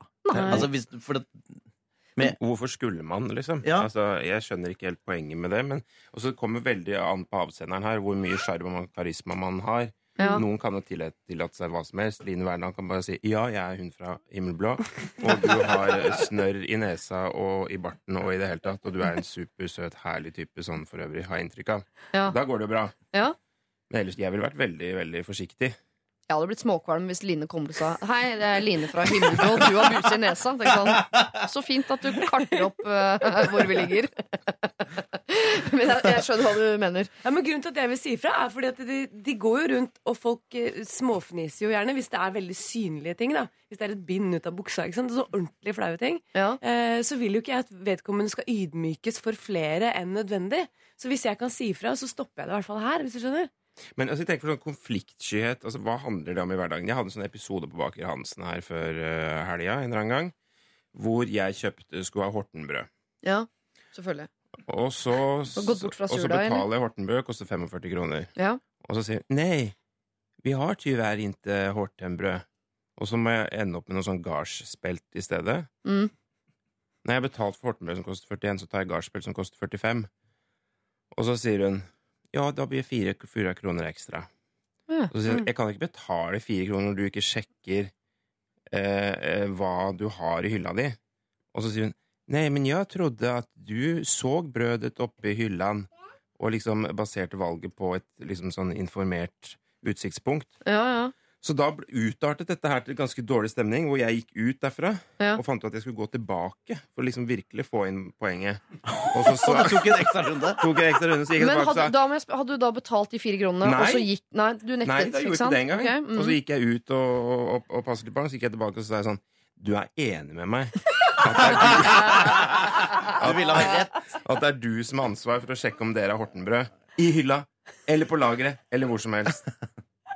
Og så ble hun jo relativt spak, da, for dette var jo litt i overkant. Ja, ja, ja, ja. Jeg vil jo si det, da I og med at jeg slapp å betale de fire kronene, blant Ja. annet. Du hadde jo vunnet fra før. Du skulle bare inn altså, et, Når hun lå nede og blødde, så skulle du ta banesåret, liksom.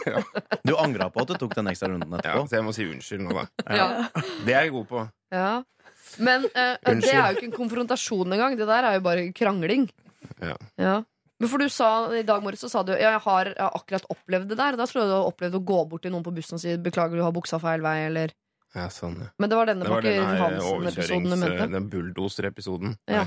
Ja. det var snakk om. Ja, det er en god anekdote, men jeg føler ikke liksom at at det sier noe om det Knut Arne eh, ønsker å finne ut av her. Hvor han og kona de, daglig de diskuterer om hvorvidt man skal si ifra til fremmede på bussen om nettopp sånne ting. Genseren på vranga. Mm. Og Line, jeg, jeg hører hva du mener, for du Mm. syns det er bedre at man får beskjed tidlig på morgenen om Mm. at du har genseren på vranga, så at du slipper å drite deg ut for så mange, Ja. enn å gå og drite seg ut hele dagen fordi ingen tør å si fra. Ja. Og jeg er enig i det, selv om jeg gjør det ikke så ofte selv, fordi jeg syns det er flaut av en merkelig grunn. Selv om det er ikke jeg som har genseren på vranga. Jeg er redd for at vranga-folk er gærne. Ja, ok. Ja. Ja, så du lar være.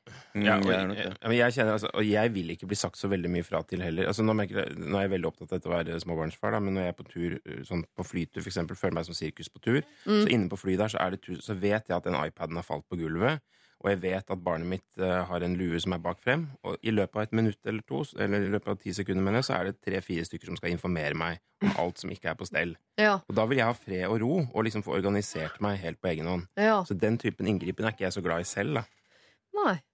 Nei, da, har vi, da er du på andre siden. Eh, Men det skjønner jeg også hvis det blir for mye. Og det er helt åpenbart Dette vet jeg, jeg har bare ikke fått fikset det ennå. Ja. Men når du sitter på 37-bussen om morgenen med genseren på vranga, så er det ikke fordi du har tenkt til å skifte straks du kommer til Sankthanshaugen. Du bare liksom Da er det jo noe du ikke har lagt merke til selv. Du har gått ut døra den dagen. Skal kanskje et viktig møte. Da er det jo greit å få beskjed. Men dette, for jeg tenker Genseren på vranga, det er kanskje én person i Norge hver tredje dag eller noe sånt som opplever det? Eller det er ikke veldig vanlig, er det? Jo, Ser jeg synes jeg det? ser det hele tiden. Jeg, folk Ah, ja. som har genseren på vranga. Ja, bare- Mener du det? Jeg måtte si fra her på jobben her om dagen, ja, nede i P13, hvor jeg Ja, også jobber litt. Si fra til kollega. Den genseren er på vranga. En mannlig eller kvinnelig? Kvinnelig. Man bare sier 8000, er kjempe... Trebarnsmor. Sur eller glad da?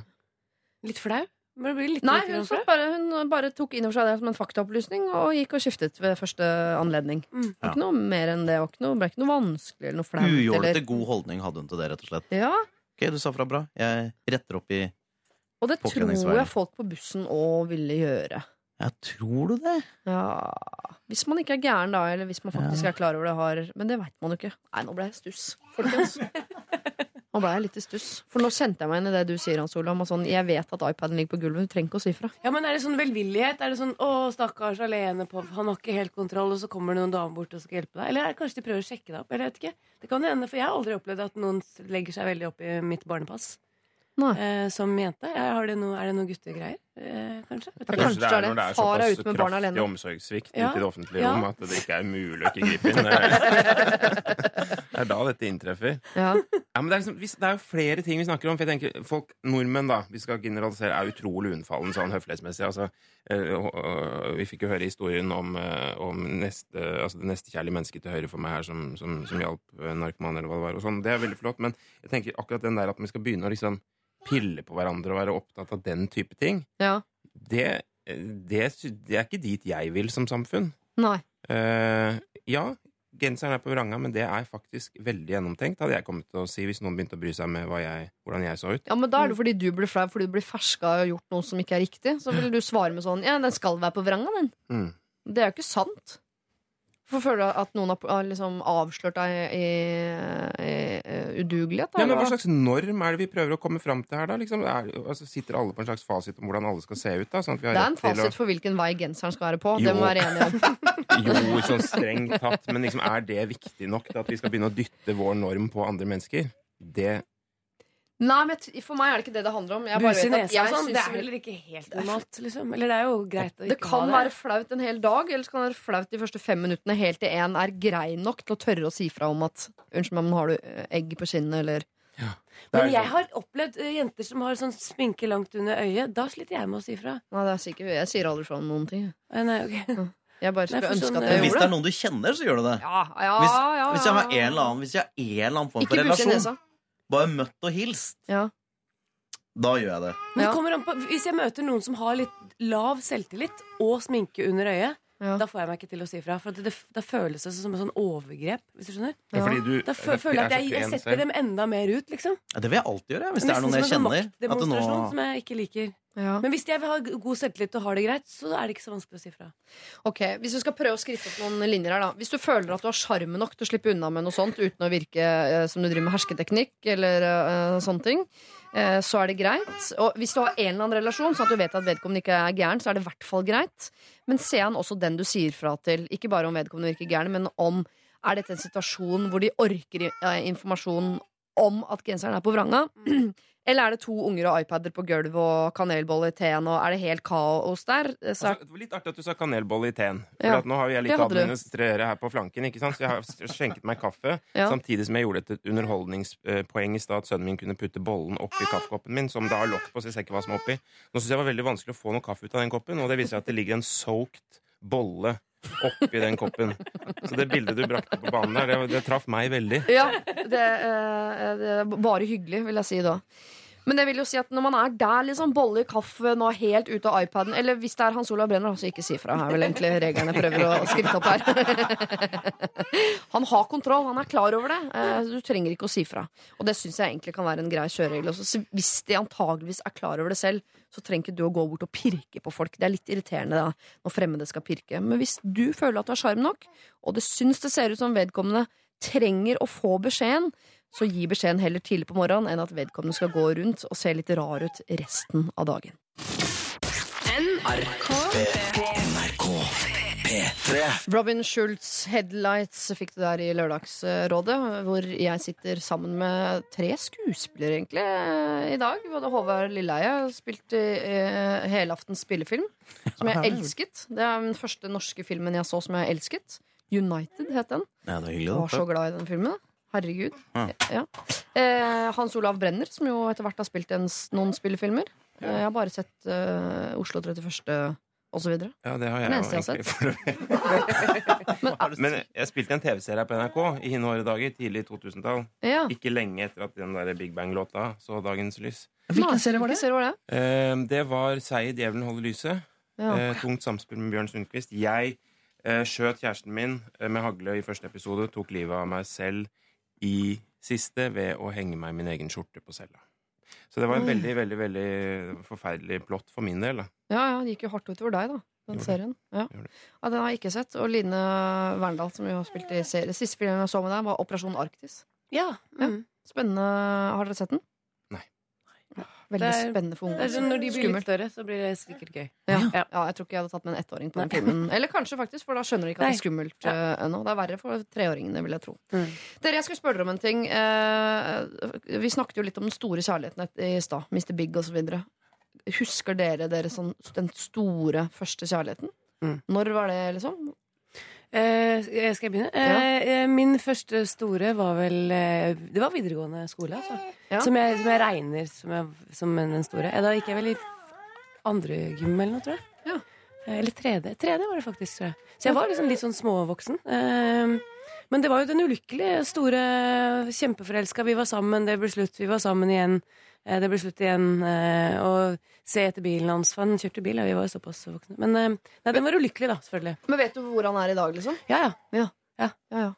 Jeg var helt usikker på om jeg skulle si det, for det blir veldig sånn Jo, tydelig hvem det er. er han, en er han en hyggelig fyr som liksom tenker nå at du kunne bodd i det huset sammen med han? det sånn? morsomme med Facebook er at man liksom får, får jo se, se vedkommende hvordan man er nå. Ja. Eh, nei, jeg, jeg, jeg tenker at vi hadde aldri passa sammen eh, i det hele tatt. Ikke i dag heller. Nei. Hva med deg da, Hans Olav? Ja, litt artig, fordi at uh, jeg uh, skjønner Altså, jeg snakket med mine foreldre om dagen om uh, når var det egentlig jeg var med på denne leirskolen i Skottevik, da pappa var der med sine elever. Ja.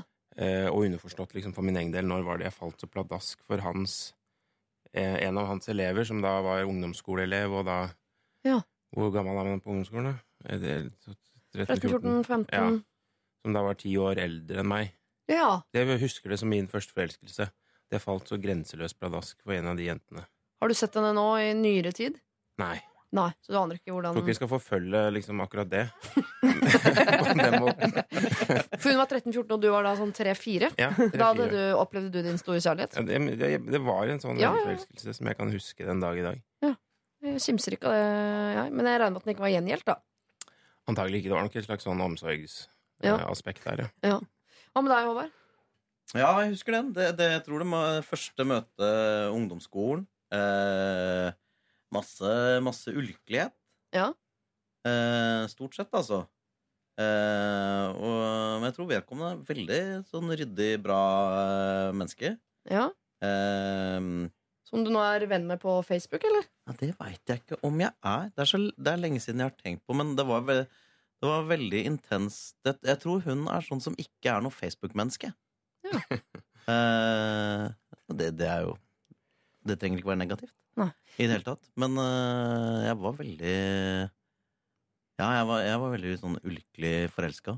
Men det er tydeligvis ingen av dere da som på en måte uh, giftet dere med den store uh, kjærligheten og har vært det siden og For det er jo også noen som er så heldige å gjøre. Mm. Noen, noen er det. Ja. Ja. Søstera Altså, mi ja. gifta seg med han, uh, sånn uh, gymnaskjæresten. Og de er fortsatt sammen? Ja, de, de er fortsatt sammen, ja. Ja. Ja. Onkelen min òg har fått til de greiene Ja. der. Ja, begge onklene mine. Åh, det Altså, syns jeg er så koselig. Det er veldig fint, altså. meg med den store kjærligheten. Altså, det, men det, hvis du tenker på det som sånn noen du møtte da du gikk på ungdomsskolen, så faller du gjennom. Men Nei, men den som man liksom eh, Når man sitter i gyngestolen aleine på slutten der, eh, tenker tilbake på sånn den der eh, Litt sånn som de vi snakket om før i dag, med han ene som man bare tenker på og aldri blir kvitt, som aldri forsvinner ut av hodet-aktig. Jeg tror ikke jeg har noen sånne lenger. Så det kan forsvinne med tida. Ja. Ja, Det er litt deilig å høre det, da. Line, du har din litt bak i barken der ennå. Uh, Nei, jeg har jo egentlig forsont meg med at det ville jo aldri blitt noe særlig fornuftig ut av det. Uh, Ja. Så jeg, det, jeg, jeg tenker ikke på han mye, altså. Bare når man spør. Sånn direkte. Du, det er litt godt å kunne sende det signalet ut, da, for det er mange som ikke klarer å glemme liksom, den store første kjærligheten. Da kan jeg si at Her sitter det altså tre voksne mennesker som til en viss grad har glemt sin sånn store Det er ikke noe man går og tenker på. Så det er litt Hans sånn Olav var jo sammen med sin store kjærlighet. Ja, nå, ja. Ja. Ja, ja. Det er fint. Jeg liker det veldig godt. Men det betyr jo at, eh, at de som ikke kommer over, som har en sånn eh, trist forhold til den store kjærligheten som glapp og forsvant og sånn, de kan jo trøste seg med at, eh, at man kan glemme. Ja. Eller så kan man gifte seg med dem. Når, når, går, når er aldersgrensa for å møte noen som kan bli den store kjærligheten? Er det sånn På ett punkt så er det Ja, du kan møte en hyggelig som du kan være sammen med, men det blir aldri sånn? Jeg tror ikke det er noen aldersgrense for det. Det er ikke det? Nei, jeg tror absolutt faktisk ikke det. altså Okay. ja, Det kan skje hele livet, og det også er jo en litt eh, trøst i. da Vi skal- Ja, det, det var veldig betryggende. Og at var så tydelig, og takk for at du var så tydelig på det. Vi skal ta flere problemer hvert øyeblikk her i Lørdagsrådet. Eh, Vi holder på fram til klokken tolv, så bare send inn det eh, du måtte slite med, eller alfakrøll.nrk.no. Dette er Lørdagsrådet På P3. P3. Refused Electra fikk vi der. Ganske hardt. Eh, altså Du spurte med en gang hva det var, Håvard Lilleheie. Hva er dette for noe? Ja, jeg likte det, men det, men det føles ikke hardt. Det er nesten ingenting som føles ordentlig hardt lenger. For at det er bare, ja, ja. Men da har du antageligvis Da har du en sånn musikkelsker i deg som, som har hørt mye sånn musikk opp igjennom. Det har jeg, ja. Ja, ikke sant? Så, Så det er bare du hører det på sånn Ok, ja, ja, der kom de. Ja. For oss som har hørt på Enja og Enigma gjennom hele ungdomstida, så er dette ganske hardt. Ja. Mm, det må jeg kunne påstå. Dere, vi snakker en del om kjærlighet i dag, og vi skal også nå ta et kjærlighetsproblem her i Lørdagsrådet fra en som heter Gina. Hun skriver her. Jeg og mannen min er separert etter fem år som gift. I det siste har jeg følt at jeg savner han, og har i grunnen kommet fram til at jeg vil ha han tilbake. Jeg ble sammen med en fyr rett etter separasjonen, men oppdaget etter hvert at jeg ikke hadde så mye, mye til felles med han, og begynte heller å savne de bra tingene med min eksmann. Jeg oppdaget vel hvem jeg egentlig elsker innerst inne, hva som virkelig betyr noe, og så ble jeg kvitt mye av det sinnet jeg hadde mot eksmannen min da jeg flyttet ut, og det hjelper jo. Problemet er at han vil ikke akkurat nå. Han har gått gjennom en tung og vanskelig tid etter at vi ble enige om at jeg skulle flytte ut, og har ganske nylig fått det bra igjen etter bruddet. Men han sier at han fortsatt er glad i meg, at det kan være muligheter for oss til å bli sammen senere. Hva kan jeg gjøre for at han skal få lyst til å bli sammen med meg igjen? Vi er gode venner fortsatt, og han er av og til hos meg på besøk. Skal jeg drive og invitere han på ting, eller skal jeg være passiv og avventende og la han ta initiativ til kontakt? Hilsen Gina. Hva tenker du her, Uh, umiddelbart tenkte jeg hva, hva, hva skjedde i det bruddet? Hvem gikk fra hvem? Såret hun han? Såret han henne? Har hun vært utro? For det, det har jo ganske mye å si. Det virker sånn. Sinne. Hun har vært er irritert på han for en del ting, og så har det ikke fungert. Og så har hun flyttet ut. De har blitt enige om det, men det, jeg får liksom Enig at hun har tatt initiativ Ja. til dette bruddet. Og så har hun hatt kjæreste i ettertid. Det har ikke han. Og han har hatt det tungt og vanskelig for å godta det bruddet. Nå har han endelig liksom landa Ja, og godtatt av ting som det er, og har begynt å komme på høyden igjen. ja. Og nå vil hun tilbake på banen, denne Gina. Det er jo ikke sikkert han vil, da. Nei, nei. Han vil jo ikke akkurat nå, sa han jo. Ja. Det ikke ja. Så det, det er jo på en måte Det er jo den eh, bør, bør være en kalkulert risiko du tar når du går fra et menneske. Ja. At uh, da, da slipper du jo vedkommende på en eller annen måte helt fri. Og har har ikke så mye du skulle ha sagt over det mennesket. Hun kan ikke forvente å få han tilbake, men eh, han sier jo at han er eh, veldig veldig glad i henne, og at det er mulighet for at de skal bli sammen senere. Han bare vil ikke akkurat nå. Men han har hatt det tungt etter bruddet, ikke sant? Ja, ja, ja, ja. Eh, så han har liksom trengt å prøve å lande i sitt eget liv og egen tilværelse. Mm. Eh, så hun må jo bare gi den tida han trenger. Hun, kan ikke, hun, hun er jo ikke i posisjon til å kreve noe annet lenger. Men eh, hvor lenge er bruddet siden? Står det noe om det? Er, har det Fem gått- år, da? Var det fem år? Nei, de var Nei, sammen nei, de var fem sammen år. i fem år. Mm. Ja. Nei, de er fortsatt bare separert. Da. Jeg vet ikke hvor lenge en separasjon varer før man er eh, skilt. Er det et år, eller? Ja, det kommer vel an på når man gjør det Man må sende inn noe ekstra papirer, tror jeg. Ja.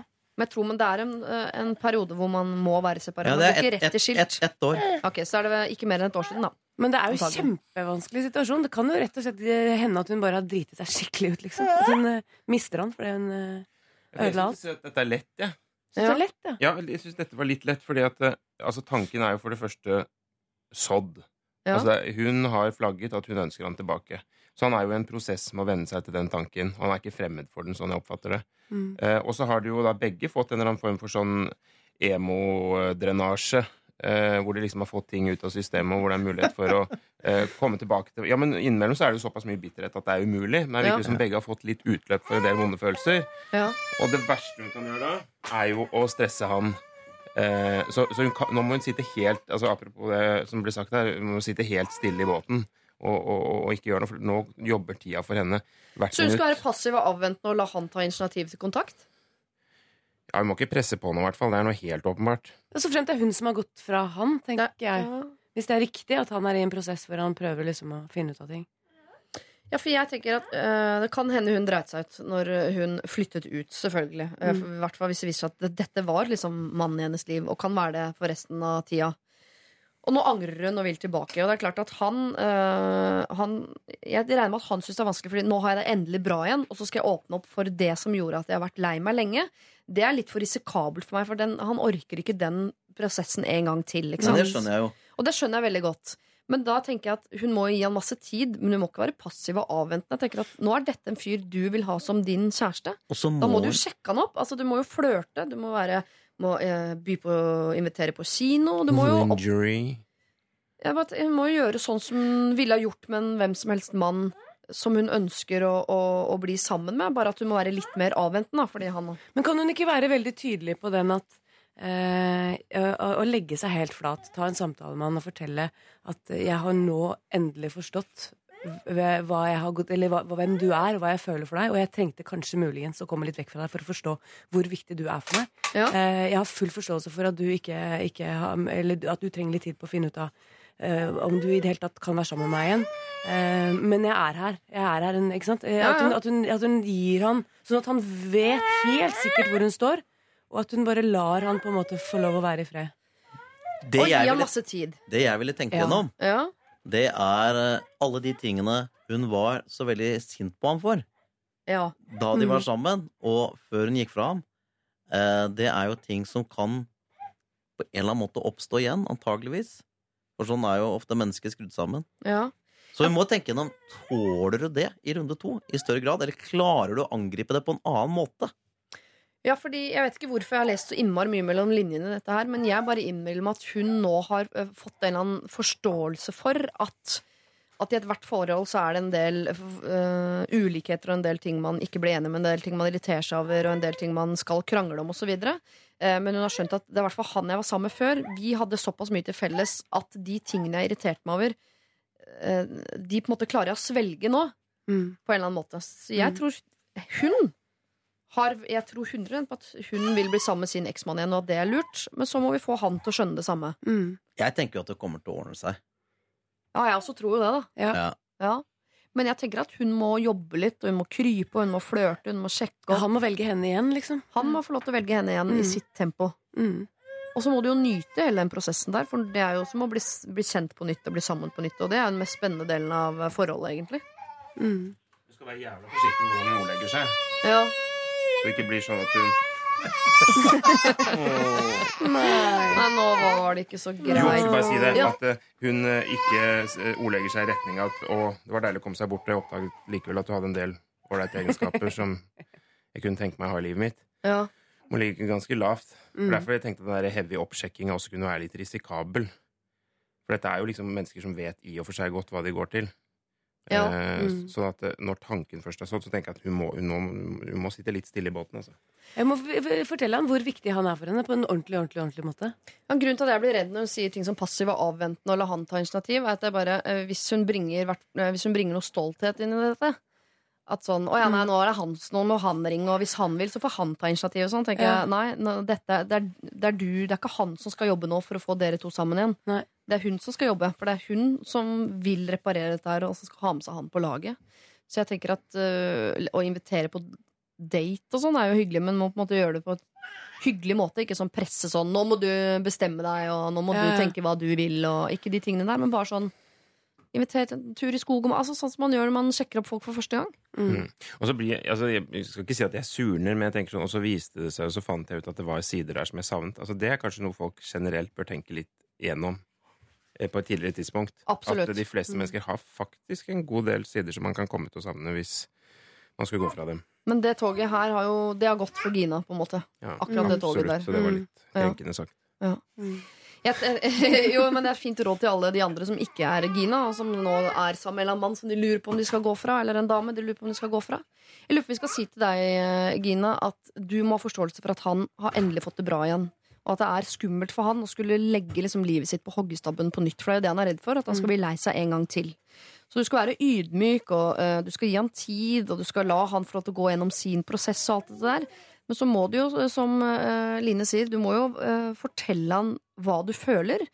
Eh, Du må ikke presse. eh, Du må sitte litt stille i båten, men når du først sitter i den båten, så kan du godt liksom tenne et lite stearinlys og på en måte få uh, seilet litt grann opp, på en måte, og invitere på en liten kinodate eller liten tur i skog og mark og være litt sånn flørtete. Og din jobb nå er jo å få han til å bli forelska i deg. Og det gjør man jo ikke ved å mase eller kjefte eller rette pekefinger og sånn. Det gjør man jo ved å, å, å flørte. Gjør man ikke det?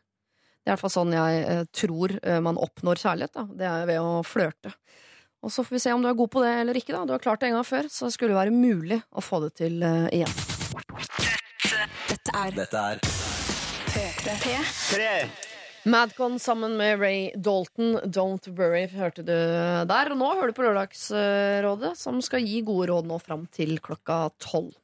Jeg skal til et problem, og jeg tipper at dagens rådgivere kommer til å stille mer spørsmål enn de gir råd, men jeg skal prøve å geleide dere så godt jeg kan, for her dukker det opp, også i meg, en liten, eller ganske stor nysgjerrighet. Dere skjønner hva jeg mener når jeg begynner å lese. Ok, jeg ble for et par måneder siden kontaktet av en mann jeg har møtt briefly for mange år siden.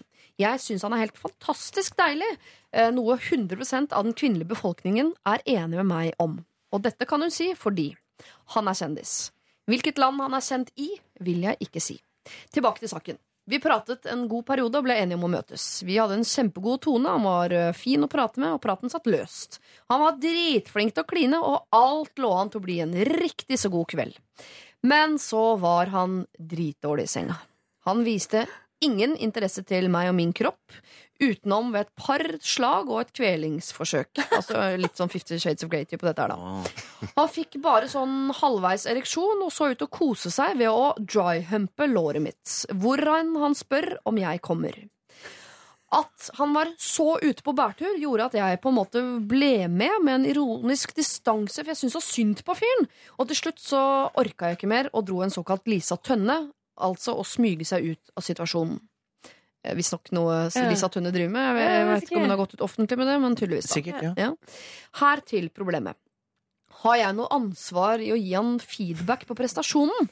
Jeg føler enten så er fyren homofil, eller så er han jomfru, eller så har han levd på en løgn i over 30 år hvor han tror han har peiling på hva han driver med. Jeg er litt redd for å knekke selvtilliten hans. Bra.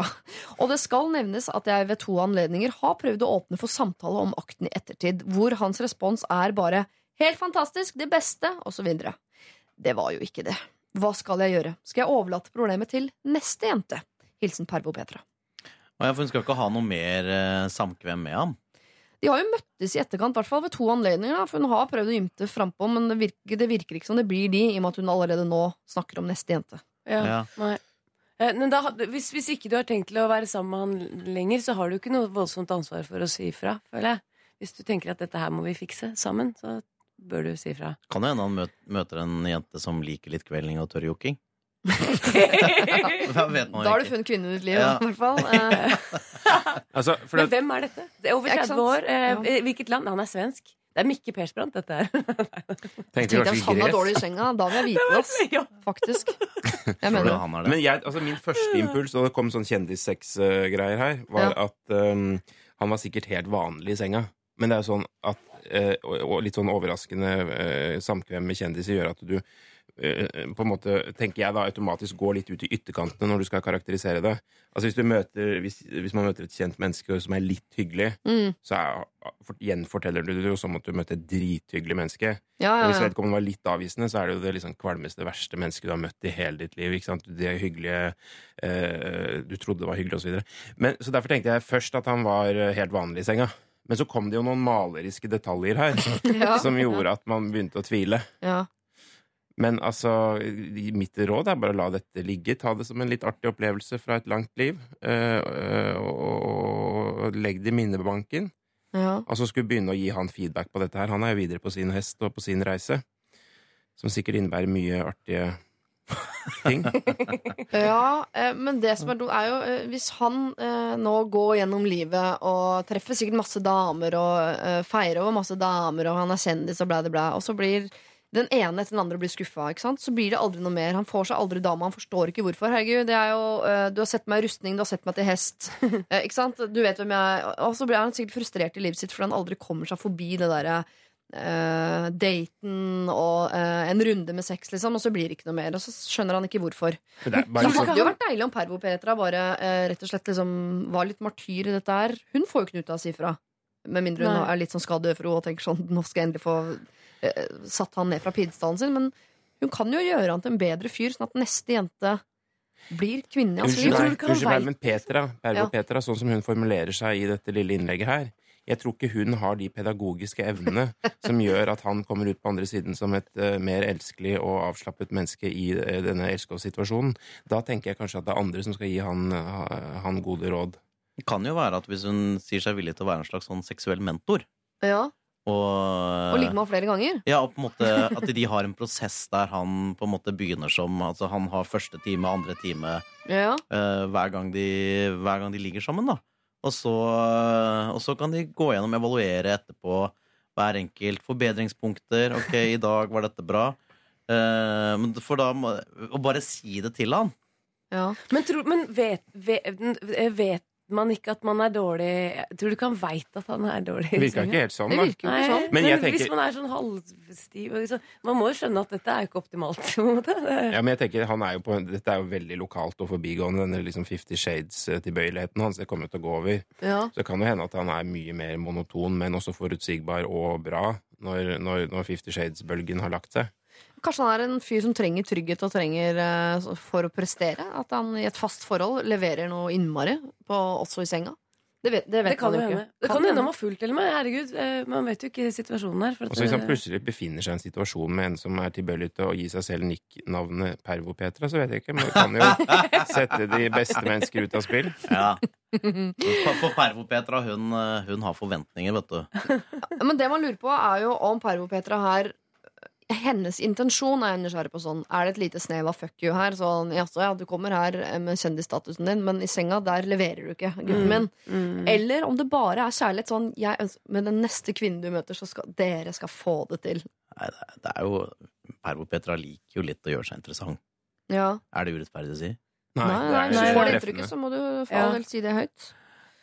Ok. Um, men altså, vi har vel altså, De fleste av oss har vel på en måte gjennomført akter der vi i ettertiden har tenkt også her var ikke min prestasjon helt, helt oppi der. Uh, det, altså, det kan jo skje. Den beste, og så får du gjengitt det på radio neste dag. Med Det er sånn ellevill, dårlig sirkus som har kommet til byen, liksom. Hun er i hvert fall veldig grei som ikke sier hvilken kjendis det er. Da. Ja, det var rørende. Ja, det jeg Hun er så grei!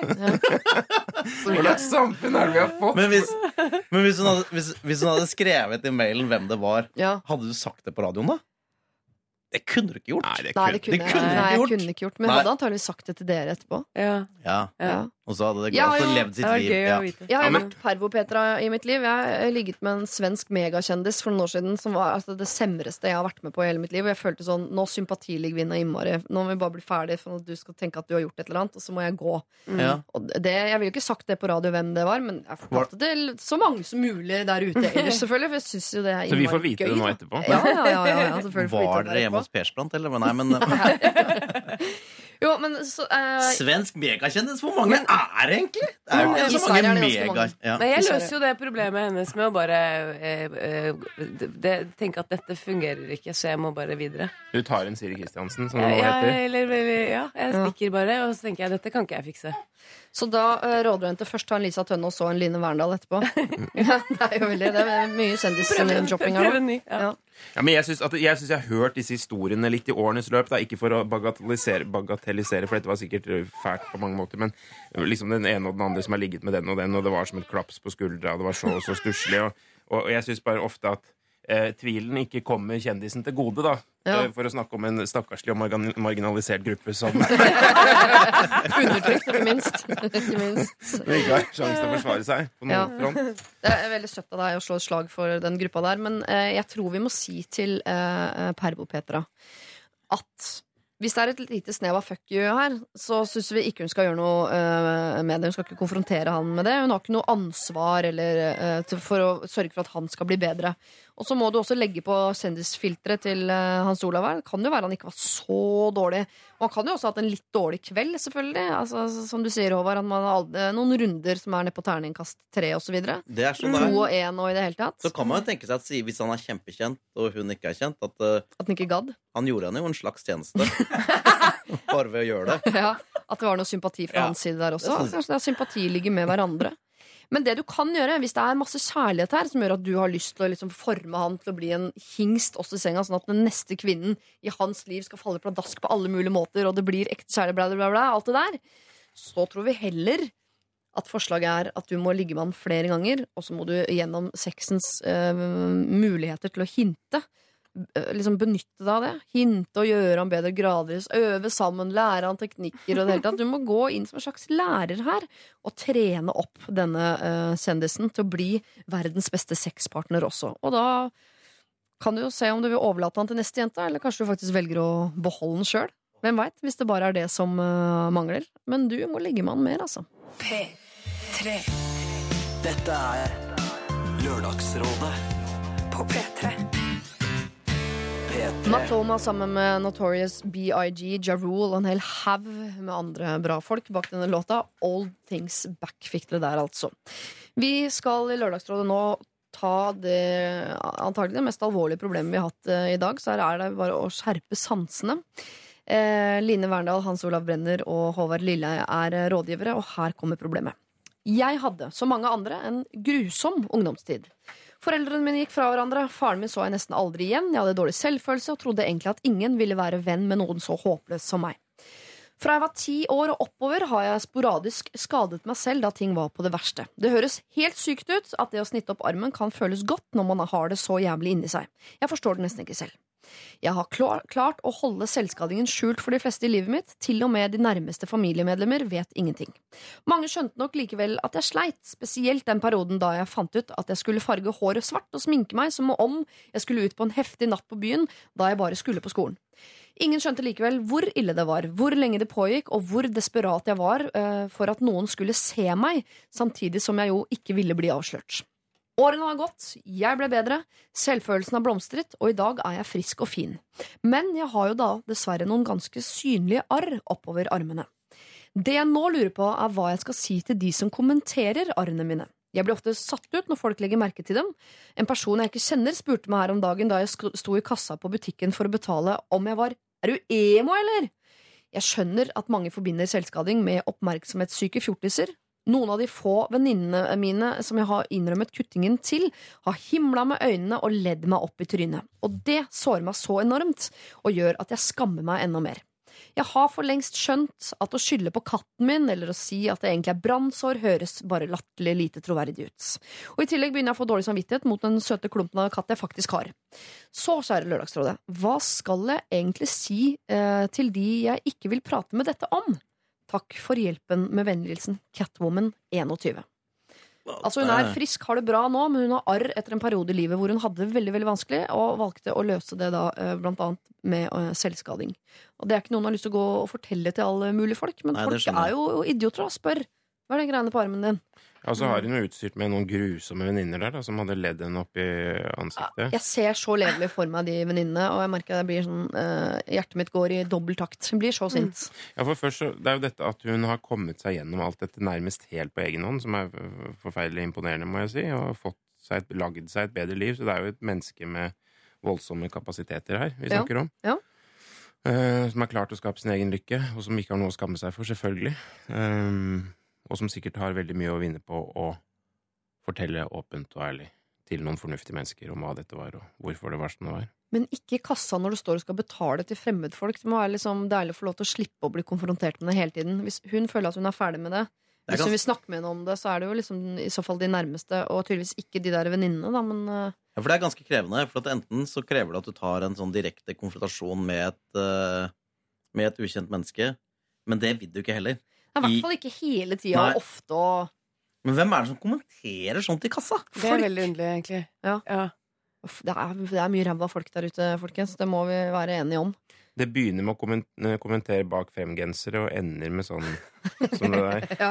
Nei, du har? Men kan man ha lange ermer på Det kan man jo. På genseren sin. Jeg tipper hun stort sett bruker det, men Mhm. hvis, hvis hun har lagt fortida si bak seg og har lyst til å gå i singlet, så tenker jeg så applauderer jeg jo det. Mm. Og så er det det der med hvordan man skal få folk til å slutte å stille dette dumme spørsmålet. Og det, det kan man er jo ikke. litt håpløst, for Ja, du kan si ifra det til én, men det hjelper ikke det, for dagen etter er det en annen. Men da må du være Da må du faktisk Man være trenger verdens beste unnskyldning. Eller så må du bare si det som det er. Eh, Jeg har, eh, jeg, hadde, jeg har en fortid med selvskading. Ja. Punktum. Det er, det er vanskelig å kontre på. Ja, For det er ingen som da fortsetter å grave i det. Da er du ordentlig idiot hvis du fortsetter i kassa på rimet da og grave sånn Jaså, ja, du opplevd noe Ja, men sånne, sånne folk finnes jo også. Ja. De som alltid vil ha en bit av deg, liksom. Ja, men da må du si de vil ikke snakke med deg om du er fremmed. Ja. Punktum. Mm. Ja, den var fin. Mm. Så kan man si punktum. Eller er det litt hersketeknikk? Ja, det, det er lov å bruke hersketeknikk Ja, det når er noen kommenterer arrene på armen din. Ja. I, kass, I køen. Dette skjer i Norge, altså. Ja. Folk gjør det. Utrolig. Mm. Altså, man får jo lyst til å flytte dette mennesket til et sted i verden hvor folk ser litt mer forskjellig, og ikke lar seg opprøre så lett av ting. Men det var jo et dårlig forslag å flytte fra landet. Det var jo Ja, det er et forslag, men det må hun jo ta stilling til selv om hun ønsker å flytte ut av Norge. Jeg vet ikke hvilket land som ikke stiller det spørsmålet. Jeg tror ikke det blir noe bedre Flytte til Amerika, så spør vel alle antageligvis. Ja, de prater jo hele tiden. Skal skravle om alt. ja, Norge er vel det beste landet å bo i sånn sett, for det er nesten Ja. ingen som tør å snakke med hverandre om noe. Det, amerikanerne er jo mer sånn, litt sånn høflige Jo, men er folk liksom Ja. Å, uff, uff, da. Hva har skjedd der? Altså, de tenker at dette er noe som har skjedd i dag, og, og altså det, øh, Ja. Altså, det Når han sier er du, helt, har du, 'er du helt emo', eller var det ikke det som var kommentaren? han hadde Jo. Herre min hatt, så mye teite kommentarer hun har fått, da. Ja. Venninner og alt mulig. Men Jeg, Hvordan kommer han seg forbi? Hvor gammel er hun, lurer jeg på. Står 21. 21. ja, Ok, Ja. hun er ganske ung enda, ja. Men det er to, det er to uh, på en måte fløyer her. Det ene er liksom fremmedfolk på butikken. Der, kan, der må vi bare lage en setning som er Jeg syns faktisk også hun skal si uh, Jeg tenker sånn, dette er kleint for deg. Da må du flytte det kleine over. Så, Mm. det gjør du ved å si sånn Jeg har drevet med selvskading. Mm. Og der er det et naturlig punktum, for det er det ingen Mm. som går videre på. Og er det noen som går, er så kørka i huet at den går videre på det, så er det sånn Det har du ikke noe med. Du er fremmed. Mm. Uh, men det jeg syns er et større problem, er venninnene dine. Fordi Mm. det syns jeg liksom hører i hele mailen der, og som hun også skriver. Hun ønsker jo Hun er desperat etter å bli sett. Og det blir Ja. hun ikke. Venninnen hennes himler med øynene når hun forteller liksom, dette har vært den verste opplevelsen i mitt liv. Og så himler venninnen din med øynene. Hva gjør man da? Da, da må du finne deg nye venninner. Det går ikke an. Du kan ikke ha sånne venninner. Skal man ikke røske de man har? Bare liksom gå videre med en gang? Jeg, jeg er Jeg, alltid kan, hun som går videre med en gang. det er nesten så jeg ikke klarer å sette meg inn i Det er Det er akkurat som det virker som det er en eller annen misforståelse i den måten de har snakket om det på. Mm. Altså at hun kanskje har syntes det har vært så vanskelig å fortelle det at Kan det være et element av at hun har mistolket reaksjonen? Jeg vet ikke. Jeg prøver ikke å legge det over på henne. Eller jeg bare tenker at det, det høres så merkelig ut. Hvis Ja. man har prøvd å fortelle dette på en ordentlig måte, at noen reagerer på den måten, da får jeg også sånn ha, ha, ha dere vekk. Men hun er jo inne på dette med at eh, folk har ant litt i årenes løp, men ikke helt skjønt eller ikke helt visst. Mm. Så det må jo være noen rundt henne som vi synes det er eh, oppklarende at hun setter ord på hva dette egentlig var. Hun må må jo lete frem de som hun tror har liksom potensial til, til å forstå henne og, og leve seg inn i det. Og begynne der. Men hvor lett er det å ta runde to med venninnene nå på å si sånn Det vi allerede har snakket om. Det var mye verre enn det jeg fikk uttrykt sist at det var. Jeg tror det, ikke dere forsto hvor ille det var. Du trenger jo ikke å ta det med alle venninnene. Du trenger jo bare én venn, Ja. som er den du snakker med det om. Du trenger jo ett menneske som du må finne, som er støtt nok, og som du kan stole på. Ja, men Det virker jo som hun har brukt de allerede. For jeg regner med at når hun har valgt å fortelle det til noen få av vennene, så har hun vel valgt de beste. Og de har jo allerede himlet med øynene og ledd henne opp i trynet. Det må jo være én person som hun enten har eller kan skaffe seg, som er såpass hel ved at du kan snakke om det på en ordentlig måte, det som var. Ja. Kanskje ikke. Det jeg bare syns er skummelt her, er at eh, hun har jo Det er ingen som skjønte hvor ille det egentlig var for henne, eller hvor lenge det pågikk, og hvor desperat hun var. Det skriver hun selv. Mm. Det vil si at hun er en jente som er ganske flink til å skjule. Mm.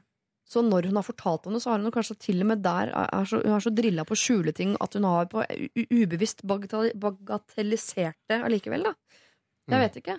Men jeg, bare er veldig, jeg kjenner at jeg henger meg veldig opp i dette at hun har stått i denne kampen så veldig alene over så lang tid. Ja. Ikke bare har hun liksom kjempet seg ut av dette veldig destruktive og kommet ut på andre siden og fått et bedre liv, men nå står hun også relativt alene, da, bortsett fra, fra oss og, og, og sånn, eh, med å skulle formidle videre. Hadde det vært en idé kanskje å snakke med et eller annet litt profesjonelt og fornuftig menneske Ja. om dette akkurat nå. For nå er hun jo kommet ut på andre siden og kunne kanskje være på et fint sted for å bearbeide det en liten smule før hun eh, finner ut om hun skal gå ut med det eller ikke.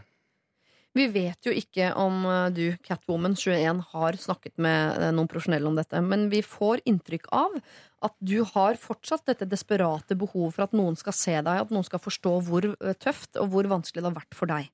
Og det er tydeligvis ikke venninnene dine du skal snakke med det om, for de virker jo helt idioter. eh, Så der burde du nesten legge inn støtet på å få deg noen nye. Eller velge deg ut én, kanskje den aller, aller beste, og ta en runde to, så hun virkelig forstår hvor ille det har vært. For jeg syns ikke det er greit av en venninne å himle med øynene og le deg opp i trynet av noe som har vært så vanskelig for deg. Men jeg tror du skal etterstrebe deg å finne en du kan virkelig eh, snakke med dette her ordentlig om. For selv om du har klart deg alene gjennom det, så tror jeg du trenger en runde eh, på hvor du blir sett og hørt, og kan liksom ta en ordentlig prosess på det. Men til disse fremmedfolka, som er jo det du egentlig spør om, hvordan skal du eh, få signalisert at du ikke vil snakke med fremmedfolk om dette her, så er vi tilbake på det vi sa i stad. Bare vær helt veldig, veldig konkret, veldig, veldig kjapp. Jeg har drevet med selvskading. Punktum. Det er ingen, vel- eller i så fall veldig veldig få, som går videre på det. Og hvis de er så idioter at de gjør det, så sier du, som vi sa i stad, det vil jeg ikke snakke med deg om. Du er fremmed. Da kan jeg garantere deg at det er ingen som stiller flere spørsmål. Så idioter bor det ikke i dette landet. Jeg håper du finner noen å snakke med.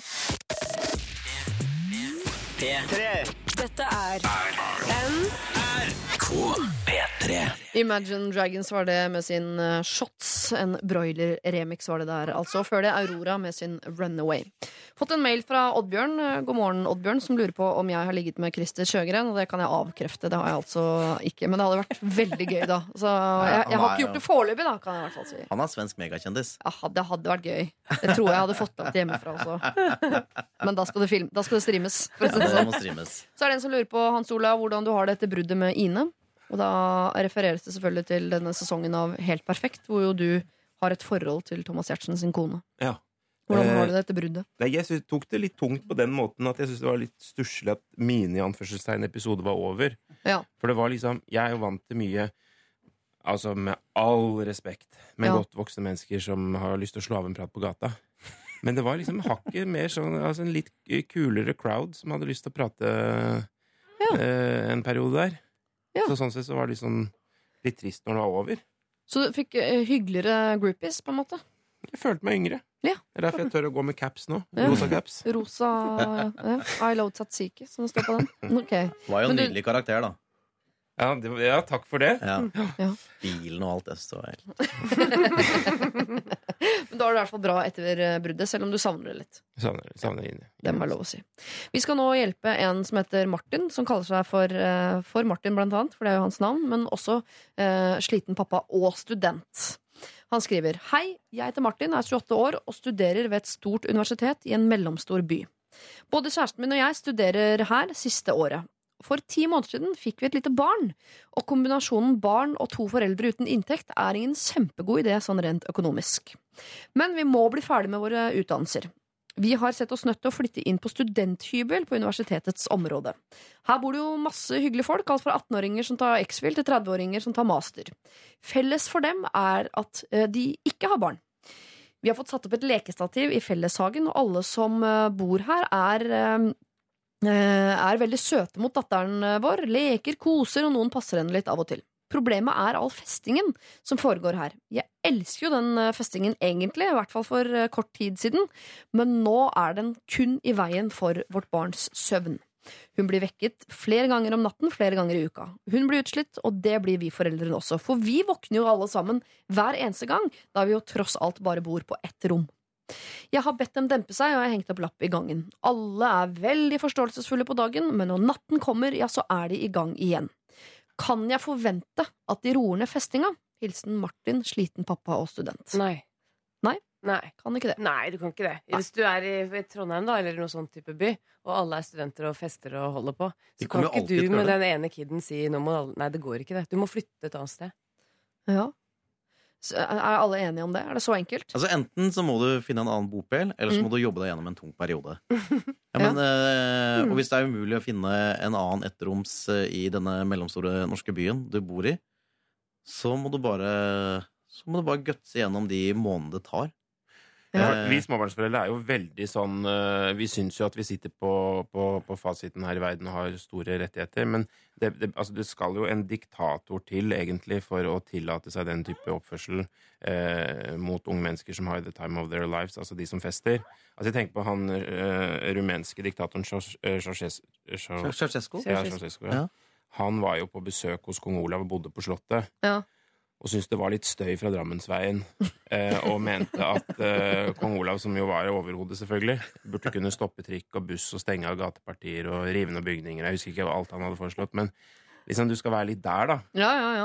eh, i selvoppfattelsen for å kunne dra dette her i land. Men er man ikke litt der når man er småbarnsforeldre og er sliten på toppen av det hele? Jeg husker jo med grøss og gru eh, når jeg trillet rundt på min første baby, hvordan jeg liksom Jeg kunne ikke forstå hvorfor ikke alle bare flytta seg når jeg kom. Hvorfor ikke alle bare uh, Hvorfor var ikke jeg først i kassa til enhver tid? Hvorfor uh, kunne jeg bare jeg, det, er, det er jo psykotisk, men man skjønner ikke hvorfor ikke hele verden bare tar helt sykt hensyn til det underet som har skjedd, at man har fått baby. Mm. det, jeg forstår det, men det er jo på en måte du kan ikke, du kan ikke flytte inn på et diskotek og forvente at det skal bli stille. Og eh, som 18-åringer som tar X-Fill, Ja. hva tror du, liksom? Men dette er deres eneste mulighet til å bli ferdige med, uh, med sin utdannelse. De har jo rett på utdannelse, de òg. Men fins det ikke en eller annen type uh, krype inn i et eller annet hus hvor det ikke er studenter? I eh, denne mellomstore byen? Jeg, jeg håper de har sjekka det. Ja. Ja, det håper jeg virkelig, men tydeligvis ikke. Og nå har de fått satt opp De har fått satt opp lekestativ i felleshagen og sånn på Ja. dagtid. Så det er mye fint, det er mye fint der. Ja, ja, ja, ja. Men er det mulig Kan man, kan man gi Altså, jeg har et barn som sover Ungen min sover veldig tungt. Ja. Han er sånn som sover gjennom Absolutt alt. veldig mye. ja. Ja. Eh, og det er jo, gjør jo mitt liv enklere. Men eh, hvor, hvor mange måneder jeg skulle, hvordan, hva, Hvilket tidsintervall er det vi snakker om? Hvor lenge er det de må holde ut? Er det, er det jo er det 18 måneder, så må du ta grep. Er det fire måneder igjen, så bare OK.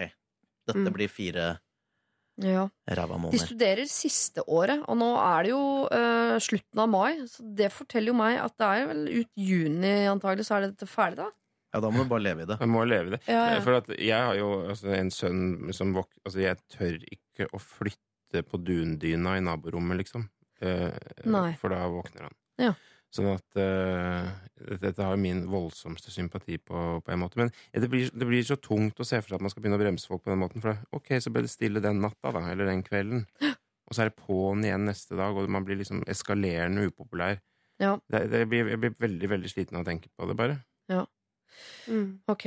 Ja, jeg, jeg prøvde, Martin, så godt jeg kunne å få folk over på ditt lag her, men eh, det er vanskelig, og jeg må innrømme at jeg står ikke helt på ditt lag i dette her, jeg heller. Du bor på et sted hvor majoriteten, altså 99% av de som bor der, bor der fordi de er på det eh, stadiet i livet hvor man virkelig liksom Man skal ikke ha noe bekymringer eller tenke på småunger eller når man legger seg eller og hvis Man er så, uh, man skal få lov til å være så ufornuftig man vil. Hvis man må, blæste hele studielånet første dagen på uh, liksom, så skal man ha muligheten til det. Det er den ene tida i livet man har det. Hvis de vil feste, så fester de. Og de kan faktisk ikke ta hensyn til at det bor et lite barn borte i gangen. Det beklager jeg. Jeg tror her er dere nødt til, enten hvis det er en måned igjen, så får dere bite det i det. Eller så er dere nødt til, hvis det er et år igjen, så må det da være mulig å finne et annet sted å bo. Det er jeg helt, helt sikker på. Men si fra og klage, vet du hva? Det, der får ikke noe medielass, Martin. Sliten pappa og student.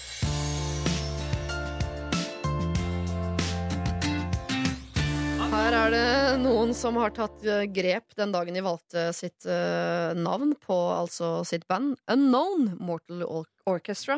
Låta heter Multilove. Og apropos love, eller ja, det er en slags form for særlighet, så eh, er det veldig gøy nå for meg å sitte og titte inn i innboksen til Lørdagsrådet, hvor altså gutta har kastet seg på etter at vi ga råd til Pervo-Petra, som mente at hun hadde ligget med en svensk megakjendis som var ganske dårlig i senga. Ja. Og gutta blir så sure. Her er det noen som tenker sånn Å herregud, tenk hvis folk syns jeg er dårlig i senga. Og som tar liksom eh, De får helt hetta av tanke på at det går kvinner rundt i verden og, Og mener at de er dårlige. Jeg har Ja. fått inn mange mail fra menn som sier sånn Ja, hvem er hun til å bedømme, er du sikker på? Og så skal liksom så innmari få fram poenget at uh, kanskje ikke han var så dårlig, og kanskje han hadde en dårlig dag, og det der kunne vært det bla, Han var jo kjempeambisiøs. Han gjorde masse ting som enten kan gå veldig veldig bra eller til helvete. Ja, det, men tørrhumpinga på låret kunne vært kjempedeilig, men ikke for henne. Det er ikke så mye erogene soner på låret, så vidt meg bekjent. Nei, ikke nei.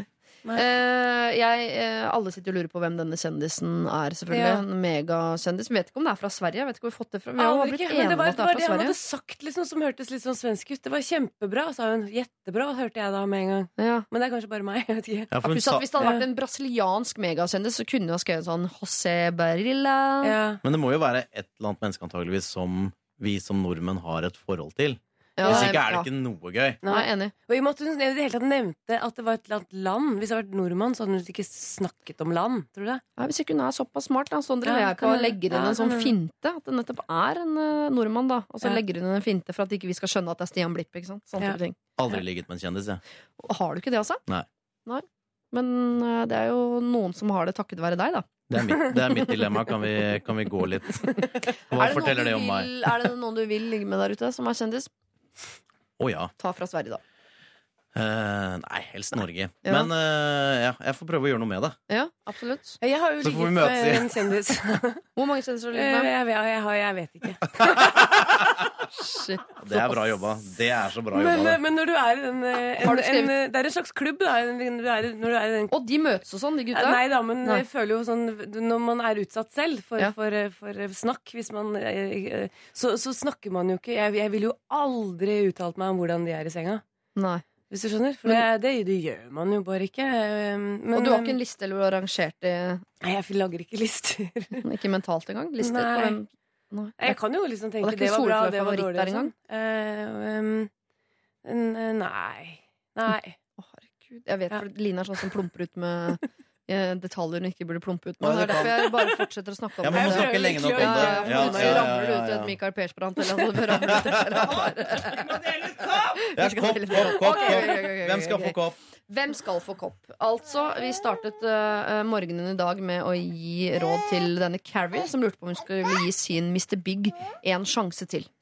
Vi har møtt eh, Frida, som jo eh, eh, Frida, som var en jente i eh, 20-årene, som gikk mye på jakt, elgjakt. Men hun turte ikke å skyte dyr, for hun hadde så prestasjonsangst og var redd for å treffe et øre, som man jo helst ikke skal da når man skyter elg. Så er det en som lurer på hvor ærlig man skal være med fremmede på bussen, med om sånn type ketsjup og skjorta, sennep i ræva-problematikk. Eh, og vi har også en som er separert fra sin mann, men nå virkelig vil altså, få det til igjen med mannen sin.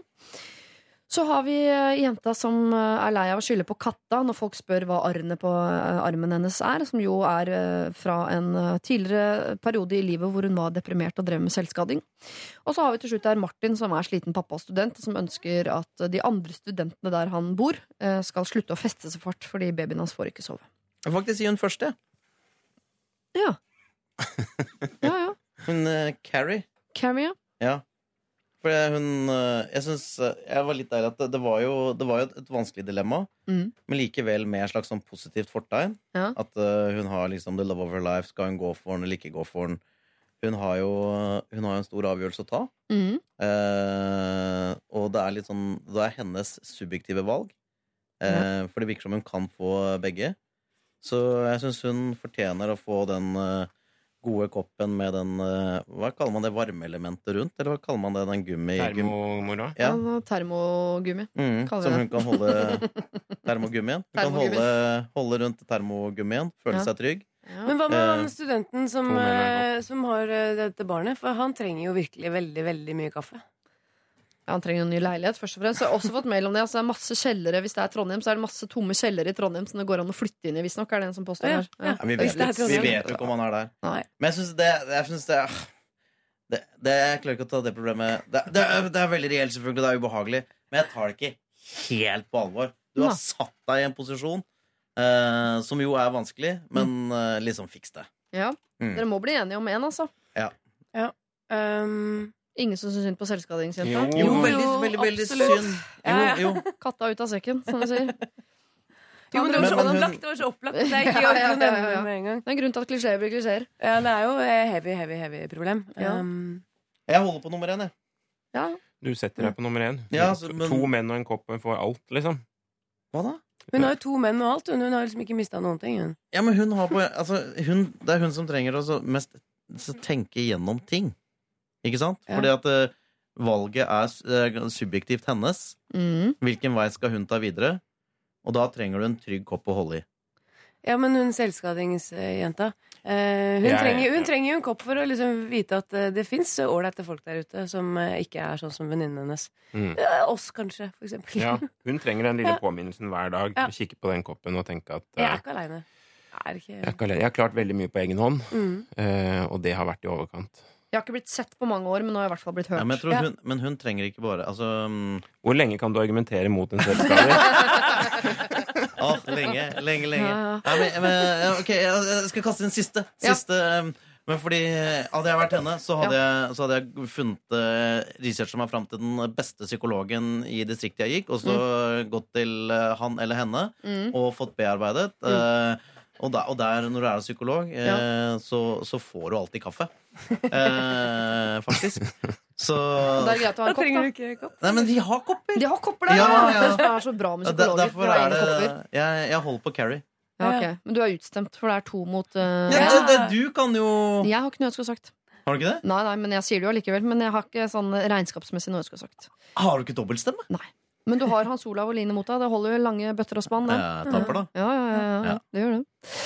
Altså, det blir kopp til uh, deg, Catwoman 21. Og tusen takk til alle dere andre som også har sendt inn problemer uh, i dag. Og takk til dagens uh, rådgivere, og takk til lille Mikkel også, som var med pappa på jobb i dag. Jeg synes det er sporty gjort. Eh, takk til tekniker og produsent Dr. Jones.